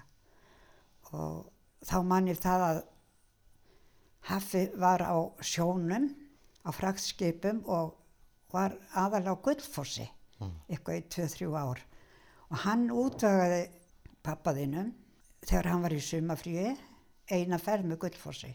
Þá var ég of, nei ég var ekki ofrisk þá. þá var, og hann fór sem, sem aðstofa kokkur, kunni ekki eins og elda hafragröð. en það gekk vel því að Hannes Hafstein, hann var þarna hásettið eitthvað og hann var honum innan handar, honum svona ímislegt. Og þetta var bara mjög skemmtileg ferð fyrir hann. Hann hefur tekið bara sömafrí sitt í þetta eða... Já, heyrðu, jú, þá var ég ófrísk af Ragnarið vegna þess að hann kefti á mig óléttu föt þarna út og kápu og allt mögulegt. Ég man það. Jú, til Ameríku. Þetta var, já, þetta var, nei, Danmörku. Þetta Danmörku. Já. Já. Þetta var mjög skemmtilegt. Allt saman. Við höfðum mjög góð ár þessi, fyrstu ár hann. já, við vorum þarna sko, við vorum þarna ekki frá 60 og við fluttum þaðan 63, við vorum ekki með þrjú ár. Við fluttum eftir að Solveig fæðist ní- 1963. Hún fæðist í júli og þá ákveðum við að, að finna okkur stærri íbúð því að það var eiginlega ekki pláss fyrir tvö börn þarna. Og þá finn, finnum við íbúðin í Sólheimin 10, jarðhæð. Stóra og góða íbúð og það endaði með því við fluttum þangað með Sollu þryggja mánuða. Það var mikil umbreyting sko. En þá vann ég ekkert, ég var bara heima hugsa um börnin. Já, já.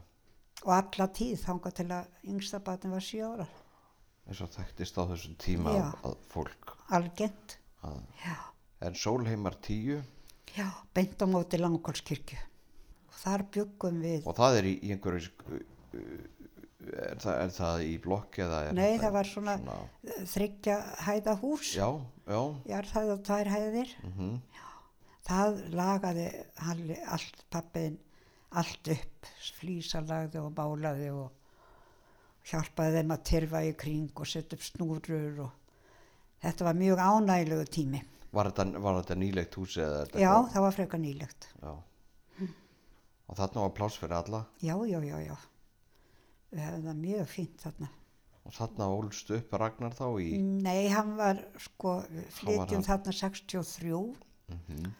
og 67 seljum við það og kaupum okkur enn stærri íbúð upp í Römbæ sem þótti voða skríti sko, af hverju er það að flytja upp í sveit svo langt fyrir ofan 11 ár. Já. En þetta var hagstætt verð, fjagra herbyggi íbúð upp á þriðju hæð og róluvöllur beint fyrir framann og búðurnar allt í kring og okkur leist bara vel á þetta. Og við flyttum þáka 1967 og það var eins þar, hann gerði allt þar. Hann setti skápa upp og hann teppalagði og flísalagði og gerði allt upp á nýtt. Það var einn búinn að búa, einn fjölskylda búinn að búa í íbúðinni. Stórar og góða svalir og það var sem sagt 68, 68, já. eða 67, 67 líklegast. Ragnar fór í skóla þarna sko. já Hann var búinn að vera í tímakenslu hjá Árelíus Níelsinni og hann var svo þægur og stiltur, hann fekk velun. hann var svona tilbaka haldandi sko. Og það góðu, gott bann, já, það. já. Var, var hann stiltur strákur sem Já, ungur- hann var stiltur, mjög stiltur. Já, Já. já, já. Hann hefur þess að, í hvað skóla hefur hann verið í þá sólheimunum, hann verið Hann var bara í barnakenslu hjá honum í kirkjunni, Já, svo fór hann í sjórabekk upp í Árbæ, Árbæjaskóla. já, Og Sola fór líka í skóla þar. já, í árbænum. Já, já, já, það leið okkur rosa vel, það var svo rúmt í kringum okkur og við áttum góðan bíl og, og þetta var bara, hann og pappiðin í svona góðri vinnu, sko, stöðugri. Svo þetta voru bara ánægulega ár. Það, Þetta var mjög gott að, að búa þarna. Barnvænt hverfi, sko. og rúmt um ykkur öll. Já, mjög rúmt um okkur öll góð og fín íbúð, sko. Nú svo árið í kringum 70, hérna, þá ákveð, ákveðum við að reyna að fá okkur eitthvað svona á sér hæð eða eitthvað. Svo við fórum að leita og svo endaði með að það var auglýst að þetta fara að byggja raðhús í Garðabæ og það var nú allir ennþá meira hissa sko að vera að, fly, að fara að flytja þangað upp í sveitina, í, re, í reppin. í reppin, Garðarepp. Pappa, hann fór á fastegnarsölu og það var maður sem hann kannast við og hann sagði við hann, þú skalt endilega taka þetta, þetta er svo gott verð á þessu og það er alveg rosalega mikið af flugvallarstarfsmönnum sem er að flytja þarna söðrættir og eru að við fjellumst á það bara að taka þátt í því og við kiftum þetta fókælt raðhús í Garðabænum. Og þar vann hann alveg hreint eins og skeppna við að gera allt mögulegt með innæðmennum og það gekk bara vel. En við seldum íbúðina mjög vel þarna upp í Römbæ en það var einu gallin á að við þurftum að flytja strax út. Og við byggust ekki við að komast inn í húsi strax. En það var ekki mikið vandamál. Mamma og pappi í, sinni laugarási sagði þið komið bara til okkar. Já, og við fluttum þangað 1971 þá var Halli þá var Halli orðin hann var ekki nema 8, 6 mánuða þegar við flytjum þangað. Og sem sagt við með þrjú börn. Og þau bara rýmdu til fyrir okkur. Við fengum Sveppenbergi þeirra og þau sáu bara fram í stofu og þetta gekk bara alveg ótrúlega vel. Og þarna vorum við bara í uppindir ár og krakkarnir, Salla og, og Ragnar, þau tóku bara strætó upp í Árbæ, fóru Nú. bara einn, ég fór með þeim fyrst, svo tóku við bara strætó allan veturinn upp í Árbæ þangað til að um sumarið, um haustið, þá flytjum við í september. Þá voru við bara búin að vera heima sko um sumarið og fara svo í skóla, í, í flatarskóla. þá hérna, þetta er, þarna eru komin í, í kringum 1970 og, Já, og 71. ma mammainn og, og pappi alveg bóðin og gefin og Já. þess að hjálpa ykkur Já, og, já, og, og leiða ykkur að vera og þegar ég fæðist í Reykjavík 1971 eitt, já, í og Árbæ. þá uh, í árbænum. Já, já, og fer síðan úr árbænum þarna og er þá með ömmu og afa. Já, þá þarna niður fyrstu, þá fyrstu í- mánuðina þína. já, já, Já, og það, þú varst svo erfitt bann, sko. já, Þér var alltaf illt í njánum mhm, og ég var að vefja þig og það var margt ekki myndaður ekkert að þeir sögðu bara að þetta væri vex, vakstaverkir. Og þú öskraði svo mikið og það endaði með því að Björn Guðbráðsson barnarlæknir, hann, ákvað að taka því viku á, á landakott til að, að, að hérna, kvíla mig og heimilisfólkið. og þú varst í viku á batnadeildinni en ég var heppin að finna, Guðfinna, sýsti mín, hún vann á batnadeildinni og hún hugsaði sko vel um þig. Svo fór þetta bara batnandi sko. ég man eftir þessu sem einhver maður það voru vafðar utanum mér Já, hnén og, nén, og það var heitt bað og það var nuttað alveg já, já, allt mögulegt. afskaplega illt í hnjánum Já, já, segðu mér mamma og pappi í kringum enn tíma 1970 71. hvað eru þau hætt búskap þau já, já, já, já. já, Pappi var hættur að vinna þá. mm, Hann var hættur að vinna og, og þau bara byggu þarna og höfðu það bara ágætt. voru allir farnir að heiman voru strákandir Já, ennþá nei, hjá nei, þeim eða Nei, nei, nei, nei, nei, þetta var 72, allir giftir. Allt, all, öll börnin gift, sko. Já, já, og allir farnir og Já, já, já, já, hann var ekki, hann var með reyndar hensni þarna og seldi egg en hitt var allt búið sko. Hann var alltaf að gera eitthvað hann pappi, hann var að steipa hellur, hann var með svona steipuvél, hann var alltaf eitthvað að dútla svona þess að hafa aukavinnu. já, þó hann voru hætt að vinna þá var hann aldrei Hann var alltaf ekki eitthvað- hann var alltaf að gera eitthvað Já, já, og mamma myndaði þetta, var búin að mynda fallega garði kringum húsið og hún dúlaði þar mikið og það var mikil samgangur svona við næstu við, nágranna konur og svona, þú hefði það bara gott. hún var mamma þín á þessu tíma hún og bara alveg upp frá, upp frá því að, að, að allavega það sem ég mann og, og þú segir hún að, ná að rækta garðin Já, já, hún var mikil blómakona og Já, já. mikil, hún var mikil já, mikið. græna fingur Já, það. segja Já, gerði mikið hérna í garðinum, bæði matjurtagarð og blóm, blóm og tré og já, já, hafði, þetta var hennar áhuga mál. Hva, En, en pappi, hann, hann tók aldrei bílpróf og eignaðist aldrei bíl. Ég held að það hefði verið vegna þess að ef að það var eitthvað sem að þurfti að gera eða fara þá voru all strákarnir alltaf viðbúnir sko. Að, að keira hann og fara með hann og svona. Svo hann eignaðist aldrei bíl. Ef að fór eitthvað, hann fór í sundlögarnar og svona, þá var hann alltaf á hjóli. og verkstæði var verkstæði þarna Já, í, það var vegstæði, stórt vegstæði þarna á lóðinni sem að Kjartan og Ingimar voru með og svo, svo byggði hann Garðar, yngsti bróðan, hann var búinn að læra bifílavirkjun og hann var með smá vegstæði líka. Og þar komu kallar frá honum líka inn í kaffi í gamla daga. þannig að þó að, Já, að pappiðin hefur verið hættur í vinnu þarna kringum 1970 eða fyrr já, já. En fyrr. ég held bara að Garðar hafi verið hættur þá með sitt vegstæði. já, Þá, þá, var hann fann, þá var hann giftur og var með vegstæði niður í bæ. og bræðuðnin með, með rútufyrirtæki Já, og sýstuðinnar og við og dreif já, já, hinga og þá. hinga og þanga um heiminn Hún Guðfinna, já, já, Og, hún eh, bjó í 27 ár. þar. 27 á það kom síðan hinga heim og vann Já, hún misti mannin sinn eftir 27 ár og kom hérna heim, ég held að það verið 67, 1967 og þá fór hún að vinna á Landakosspítala og nunnurnar þar vildu endilega hún færi til Amríku að læra röntgen því hún var svo góð í málinu.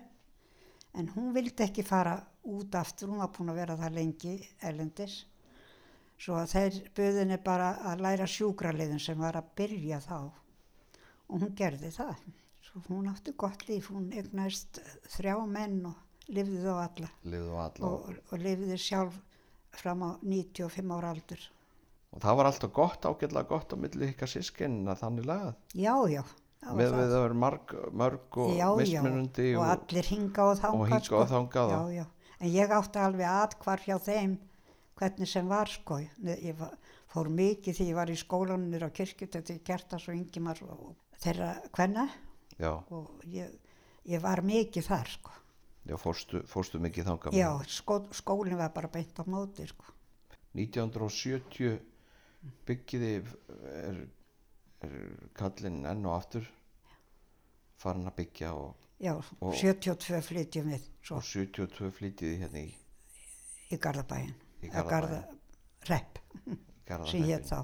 Það var vívilstaðavegurinn bara ómalbyggaður og engin götuljós sko. Svo þetta var nú svona hálkir sveit. En það var farið að byggja mikið þannig í Lundunum sko. En ekki mikið flutt samt sem aður. Og þar bara byggum við í öll þessi ár. og hvað hérna já þetta hefur verið svona eins konar sveit hérna Já, já, Þessi- það var það. Þetta voru hreppur. bara móar og, krakkarnir voru voðalega frjáls hérna. Áttu sína leikfélaga voru hérna út, um- út um kvippin og kvappin. Ragnar og Og Sola og þú. Sola og já. ég og öll Garðaskóla og og 74 fæðir svo ynga. Þá ert þú rúmlega 30 ára. hversu gamall, hversu uh, lengi lifði fóraldræðinir og, og hvað voru þau lengi Ah, Pappi lifði til 73, hann fekk krabba minn og dó í ágúst 73 og veistu hvernig krabba minna hann fengið já, hann fekk blöðruhálskrabba minn. blöðraháskir Já, og lá lengi á bæði heima og eins á borgarspítalanum sko og hann dóð þar 1973. Já, hann var mjög slitinn maður sko. er það ekki Jú, jú, hann búinn að vinna svo mikið sko. sem sagt á und- 73, 73 þá flyttu Þórun til mömmu í laugarás. já, Svo nokkur eftir það þá að byggja svo mikið í kringu laugarás að, að það er ákveðið að kaupa inn í góðheimum íbúð og, og, og tóta kaupir með mömmu.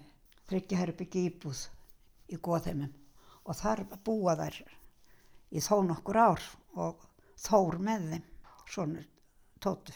og þau selja sér sett laugar á sinn Nei, þau, þau legðu eitthvað eitt- eða tvö ár og svo legðu uh, kunningafólki og svo var það rifið vegna þess að það var verið að byggja alla stóru húsin við laugarásveg. Svo þau fengu gott fyrir lóðurnar, þess vegna var hægt að kaupa í goðinu. já, hún hefur getað kipt sér íbúð Já, og átt, skuldlausa íbúð sko. átt svona ágjörlust Átti, já, átti góð ár með tótu sko. með tótu Já, hún í hugsaði svo vel um hana og það var mjög fjölmett oft hjá þeim og bara fín æfi. og ekki langt frá nei, hennar, nei, hennar nei, stað. Einmitt, þannig að hún unni sér vel í já, góðheimunum. mjög vel sko. og það er nú eitt af þeim minningum sem ég mann Já, hvað fyrst að, já, ég get trúa því. að þar. Og svo í kringum, já, ég er ekki alveg klára á því að þá hittir, hittir Þórun mann og þau ákveða að búa, fara að búa saman og þá er ákveðið að selja góðheimana og mamma er tilbúin að fara á elliheimili og hún selst íbúðin og Þórun flytur til hans og mamma fyrir á elliheimili í Hafnafyrði og unni sér vel þar. En það, þessi sambúðinar Þórunar tótu, hún endist ekki lengi nei, og það endaði með því að hún bara fór að leia sér og hann í snistu veru búð og, og leiði hjá bræðurum mínum, jarðhæðina hjá þeim og hafði það bara gott. Fór svo að vinna í Íslandsbanka og vann þar alla sína tíð. En mamma var sem sagt á hrafnist í Hafnafriði og hún dó 82 í desember. var hún alltaf sátt við það að fara þarna Já, nokkuð, hún var það. já, En það var á þeim tíma sko þá var mjög algengt að væri fleiri í herbyggi og þær voru tvær saman gamla konur. En hún undi sér vel við hana, það var góð kona. Já, Svo ég veit að þú manst eftir að þegar maður fór að heimsækjana. já, já, já. óskaplega indæl Já, kona, hún dó í sjálfum sér bara Já, hún var bara brákvöld eina brákvöld eina nóttina. nóttina og, 1982 já, og komið þó nokkuð yfir áttrætt. mann eftir því símtali mjög vel Já, er það ekki? Jú, og hérna hún var alveg sett lífdaga sko. það var á þeim tíma sko þegar fólk var orðið áttrætt það var það gamalmenni það var það þið sem sagt eruð komið hér í Garðabæin já, komið með fjögur börn já, já, og raðhúsið þarna og og raðhúsið. undum okkur vel, þar hefðu það alveg rosalega gott. Og ég var aldrei út að vinna neitt, sko, ég var bara heima með börnin og sem kom sér vel. Segðu mér, varstu alltaf sátt við það að vera heim með börnin? eða Var, var langað þér eitthvað, varstu með ég- svona, Nei, draumum eitthvað? eiginlega ekki. Það var ekki fyrir bara, sko, ynga fór að stalpa sem að ég hugsa- hugsaði mér, ég get alveg hugsað mér að fara eitthvað út að vinna. En reyndar gerði ég eitt, rétt eftir vorum flutt, á, náttúrulega vorum við að byggja, og það var ekki komið allt, sko, að vantaði hurðarnar og gólvefna og klósett og, það var ímislegt svona, gátum ekki klára stofuna. Þá fór ég að vinna upp á Vífilstöðum og þá var Halli tveggjára. Þá fyrir ég að vinna upp á Vífilstöðum og á badnaheimilunar, leikskóla, eða badnaheimili og fekk að hafa hann með mér. Og þú hlýtur að muna eitthvað aðeins eftir því, er það ekki? jú, jú, ég man mjög Ha, eftir við þessum tókum tímum. og- strætó alveg við húsið heima. Manstu eftir því þegar við áttum kísuna og hún var eld okkur? Nei, ég man ekki, Nei, ég man, ég ekki man svo samt, samt eftir ef við áttum kísu, Já, en uh, hún hafi eld okkur, það, já hún eld okkur út á stoppustu. já, hún eld okkur upp og stoppstu alltaf, Já, nokkuð nokkuð oft, já, já, já, þetta er svona kveikir, já, já, en síðan man ég bara eftir að maður eignaðist vini og, já, og aðra á vífilstöðum, já, emmitt, það var búið á vífilstöðum já, já, emmitt. Og kynntist þó nokkuð á krökkum þar Já, á, á, barnaheimilinu sko, á barnaheimilinu, þar, já, já. Þetta var ágætis ár sko. Ég vann þarna til, þanga til að ég var ófríska yngumæju og hún fæði 74 og eftir það vann ég ekkert úti. já, það var ekki fyrir en að, Mæ var Hún orðin var hann sjöra gömul. stálpuð að þú Já. ferð aftur út að vinna, Já, er það ekki? jú, jú, það og þá ferðu af vífilstöðum og, og hérna uh, Ég reyndar þreif barnaheimili ásamt annari, ég man ekki svona í 8-9 mánuði, eitthvað svo leiðis. já. en hvenær fórstu vinna síðan fyrir Hofstaða skóla Þegar Inga var sjóra, á sjö ára já, þá fer ég að vinna upp í Hofstaðaskóla svona í bara við aðstóð, ímsa aðstóð. þá er, þá er það er það sem Vítalinskirkja er í dag Já, einmitt. Og ég var þar bara í 20 ár þegar hann flutti niður í, niður í nýja skólan og ég hætti þar 98. þannig þú er unni í nokkuð ár, hérna 20. niður í Mýrum Já, já, þó nokkur ár. Hætti eftir 20 ár. sko. Þá var ég 60. var það nokkuð minnist að skemmtilega ára að vinna fyrir Já, Hofstaðaskóla mjög, mjög skemmtilega ár. Kynnti skemmtilegu fólki, þetta var rosalega skemmtilegu vinnustæður og fólkið allt, virkilega. Egnaðis góða vinkonu sem var með mér þarna í eldúsinu, sem var tíu árum eldri en ég en alveg óskaplega létt og skemmtilegt og er ennþá á lífi, Já. 92 ára, já, Halldóra Jónsdóttir, ættu Jónsdóttir. frá Ísafyrði. og er því ennþá sambandi í dag Já, já, hún er létt og kátt. en þú ert ennþá í dag í sambandi við eitthvað af þínum æskuvinkonum Já, við hittumst, við vorum lengi vel þrjár, fjórar saman og hittum svona einu sinni í mánuði. Nú fyrir 12 árum, 14 árum þá deyr ein úr krabbamenni. Fyrir nokkrum árum dó önnur og svo þriðja dó í fyrra. því hafið það alltaf eru- haldið svona ágættu sambandi Já, við ágætið Hélduð samband. En ég hef samband við skólasýstur úr gagfræðaskólanum sko. Við tölum saman, við, saman í síma og hittum svona þegar vel ykkur á okkur. Einu svona Já. árið eitthvað. það þekkist nú ekki mikið að fólk fari í líkamsrækt en þú fóst mér fljótlega til Báru Já, hvað, hvað bara, var til þess að þú fórst ah, þekktist þetta var þetta, þetta var bara líka það að komast aðeins út á heimilinu. Var, var, var þetta svolítið algengt að fólk var, Já, þetta, var að byrja. Já, og 1972 þú varst áskamall þegar ég byrjaði. Ég held ég hafi verið eitthvað byrjuð áður. Bara áður en þú fættist eitthvað smávegis. Þá tók ég stræt á árbænum og niður í Suðuver en svo flutti ég þarna fluttumst við þarna og ég hætti þarna um tíma en byrjaði aftur 72 hjá Báru. Og núna er 2020 og ég er ennþá hjá henni. þannig að það má segja að þú ert öruglega einn af, ein af þeim elstu Já, já, við, eru við erum þrjár þarna sem erum komnar yfir áttrætt. og eru þið búin að vera saman allan ennan tíma Já, frá 70, já, 72. 72 Já. þið hafið tekið það ákvörðin saman vinkonunar að fara í leikfuminu Nei, þetta voru, ég fór ekki með neittni vinkonu. Nei, Ég bara kynntist þeim þar. Þú kynntist þeim bara í Ég fór bara einn, þær sem að ég umgegst, það voru konur hann í kring sem áttu börn á líkum aldri og þær voru ekki tilbúna til þess að fara í leikumi. Svo ég fór bara einn og fór bara í strætó en við vorum náttúrulega búin að eignast bíl þarna sko. Þannig að þetta var bara mjög þægilegt og þar er ég enn. segðu mér einhvern tíman myndist pappi á það að, að, þú, þú hefur einhvern tíman langað til að stopna einhvern fyrirtæki og vera sjálfstæð og, Eh, og akkúrat. akkúrat því að hann sagði frá því í sínu spjalli einhvern tíman hvað var til í því hjá hann? Það var þannig að við vorum í saumaklúb fjórar skólasistur og okkur datt þetta allt í nú hvort við ættum ekki að stopna ykkur fyrirtæki.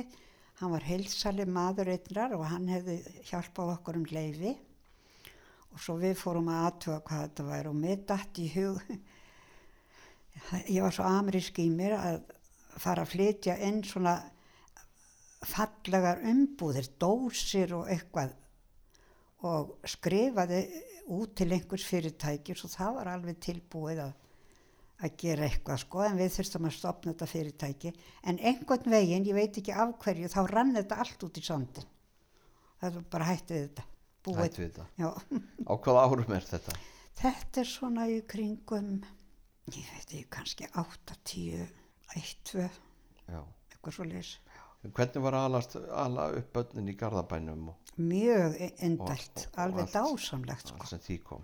alveg dásamlegt stutt í skólan fyrir þau og bara móar og melar þarna rétt hjá okkur það var, gátum byrjað á skýðum í Hofstaðatúni fengum okkur skýði ein jólin ég held að Halli hafi verið ánum tíu ára það það hafi verið kringum 81-2 byrjuðum að renna okkur þarna í brekkunni á Hofstöðum og aðeins hjá Vívilstöðum líka og tókum svona smá skýðadelli í nokkur ár. Það var flottu tími. Var, það var nú allt vegna Halla vegna þess að hann var komin á skýði og var að fara með skólanum og þetta held tók hann og við vorum að keira hann upp í Bláfjöll og við smituðum svona smá saman af því áttum nokkur góð ár á skýðum svo kom bara tímabili það var engin snjór og hérna þá bara var þetta sjálfkrafa hætt. En þetta var flottu tími. Það var með skemmtilegu tími. já, Kettlingafjöll og var skemmtilegir stúrar fór, í við þangað. Kettlingafjöll þegar það, það var mjög gaman Það- þar það eins og þú hét- manst. Þú afskap, manst eftir því. afskaplega skemmtilegu tími. Já, þá var Sola út í Fraklandi eða Spáni að læra. og Ragnar var fann að búa með Jónu.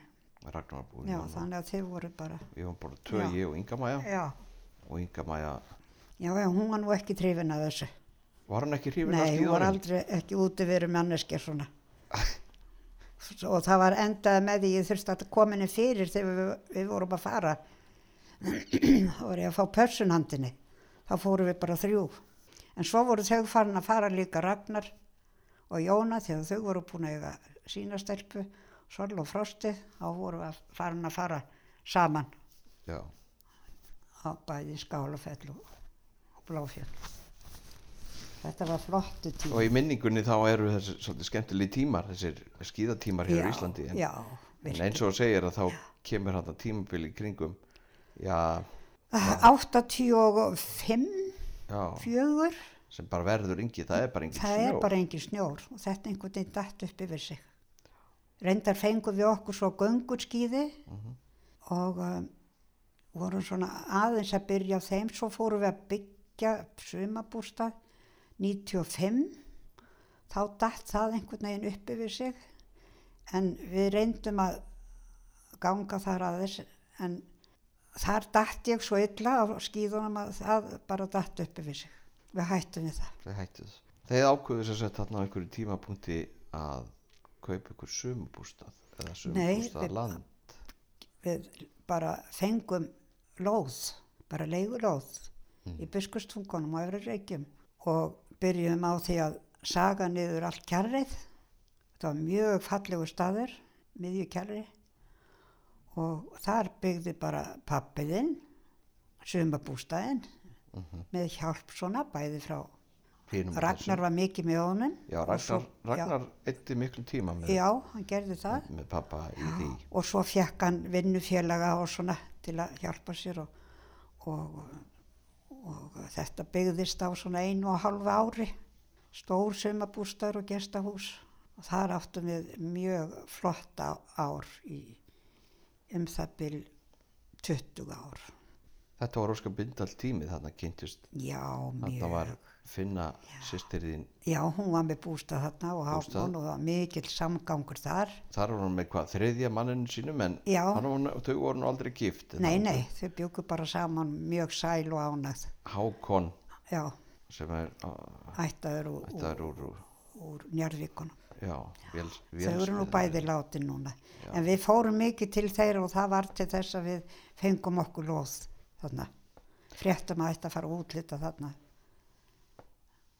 Vestan megin við þau, nær Efstadal. Það mæli segja að þau hefur kvikt dell, dellinu í ykkur. Já, já, já, já, já. Það er ekki spurning. Mm. Það er Og ekki það var mikið gjafið spór, þetta var skemmtilegi tímar það. Já, að- mjög skemmtilegi tímar, alveg dásamlegir, alltaf nóg að gera og að öllum fannst gaman að koma í bústæðin. í bústaði. Og 1914 eða 15 þá ákveðum við að selja bústæðin, þá var hann engi maður til þess að, að fara að halda þessu við. Þá fyrir við að líti kringum okkur að bara minka við okkur, hætta við lóð og umherðum hús og, og það verður til þess að við kaupum hérna bara í næsta nágrenni við okkur, við okkur á kirkjulindi. Sem er, sem er nákala, þar sem í brekkunni, nánast, Já, það sem við þar sem við byrjum að skýða. skýða, akkurat, það passar. Og hofstaðir hér beint, beint fyrir ofan og, Og þar, og Vítalinskirkja hérna og þar þinn flytt, gamli, gamli vinnustæður. flytt 2015. 2015, já. Já, þegar litina yfir æfi fyrir þá hefur þetta verið Það var mjög gott sko, það var aldrei neinn veikindi eða neitt sem kom upp og við pappiðum við sögðum alltaf þetta voða skrýta skul ekki eitthvað skeð innan fjölskylduna, þetta er allt svo slett og fælt, það er ekki eins og skilnaður, það er ekki neitt og all, allir krakkarnir giftir og það hlýtur einhvern tíman að koma eitthvað sem svo varð þegar hann vektist. Var hann komin með, eh, var hann orðin nýrnaveikur? Það var farin að finna mikið fyrir því um það bil sem hann hætti að vinna sko. Já, Orðin fótaveikur og, og hann var ráðlegt bara hætt að vinna 2003. sem er akkurat á þeim tíma sem Hættan herin fer sko. 2004. Hmm, já, Sem er akkurat á þeim tíma sem herin fer. já, einmitt. Þá hættir hann að vinna. Svo bara ágerist þetta, Hægt og rólega. nýrnaveikin hægt og rólega. Og hann var orðin svolítið veikur þegar við flytjum sko. Hingað í, í, Já. í kirkjulundin. Já, 2015.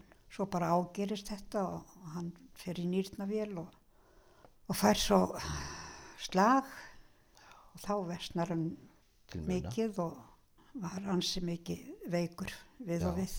En gat verið heima hérna töluvert með hjálp frá heima hjá já. og gat verið hérna heima. Átti hérna En- nokkra, nokkra mánuði. Já, já, hann átti þó nokkra mánuð og fór á spítal og kom svo heim til dæmis um jólin árið áður en hann deyr. Þá átti hann góða stund hérna heima en veikir svo illa millir jól og nýjás og fyrir á spítalan og átti ekki heima gengt eftir það. Var á spítalan og þanga til 22. janúar að hann er dáinn á amalistæðin sinn. 83 ára gammal. Já. Svona gekk nú það. Og það segir mér, nú er, nú tölum við saman og það er hvað, hvaða dagur í dag, það er oktober og við erum að tala um 11. oktober. Já, Í miðju 2020. COVID-vittlisu, 2020. 2020 í miðju COVID. COVID-vittlisu og setjum hérna í kirkjulundi og spjöllum saman. Já, já. Þín sískin eru lang flest farin, Já, nema yngsti bróðurinn, hann er nema Já, hann er sko ný, Hann Garðar? nýræður, já, nýræður. Garðarinn Já, Íræður hinn eru öll látin. Og Kolli, hún svona Já, hún er, sem er dóttir Finnu já, já, systur uppbyldið þinnar? sýstir. Hún býr hérna í Garðabænum Já. og hún er 76 ára. Við höfum gott samband. og þið eru Já, já. gott samband og Já, og eins Þór, og en Þór. Tótu. já, Hann býr hérna í Garðabænu líka og hef samband við hann. Inga Maja sýstir, hún er búin að búa Já, í Bandaríkjörnum í í Bandaríkjunum 22 ár. hvað ætli, já, eru komin 22 ár Já. Byrjaði í byrjaði búa Á. Keflavíkur flugvilli og síðan fyrir hún þaðan til Flórida og þau eru þar í nokkur ár og Hann er alltaf í Mississippi, hernum. Mississippi já, byrjaði þar byrjaði sko. þar Maska já. svo til Flórida og er þar í nokkur ár og svo kaupaði sér hús í Kaliforníu og þaðan er hann í, á sjónum í Neyvíinu og hún er búin að eiga þar þrjú já.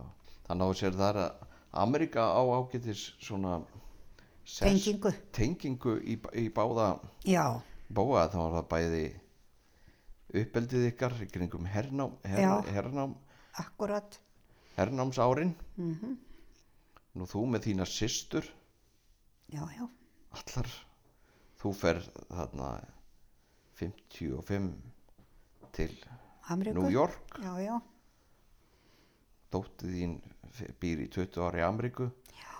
og maður segja að þetta sé svona hann litast, þau litast svolítið að Ameríku. Já, já, og pappiðin alltaf hjá Neyvíinu í 50 ár, þannig að, og hann vann hjá hernum í já, en er þetta ekki bara orðin og gott hjá okkur Jú, og, fínt og við erum búin að renna vel yfir já, þetta? þetta er bara flott, takk. og, og við þurfum við þurfum svo sem ekki að lengja þetta neitt Nei, ég held ekki.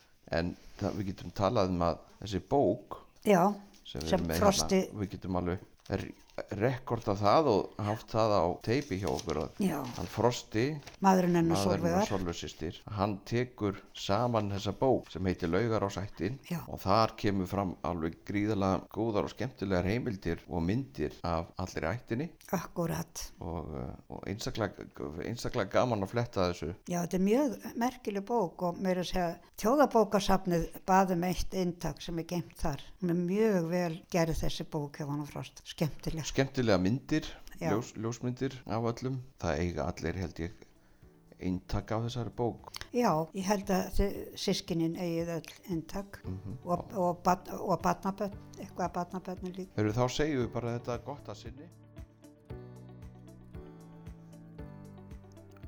Hlustendu góður, ég vona að þið hafa haft gaman að þessu hlaðarpi og þakka ég fyrir mig.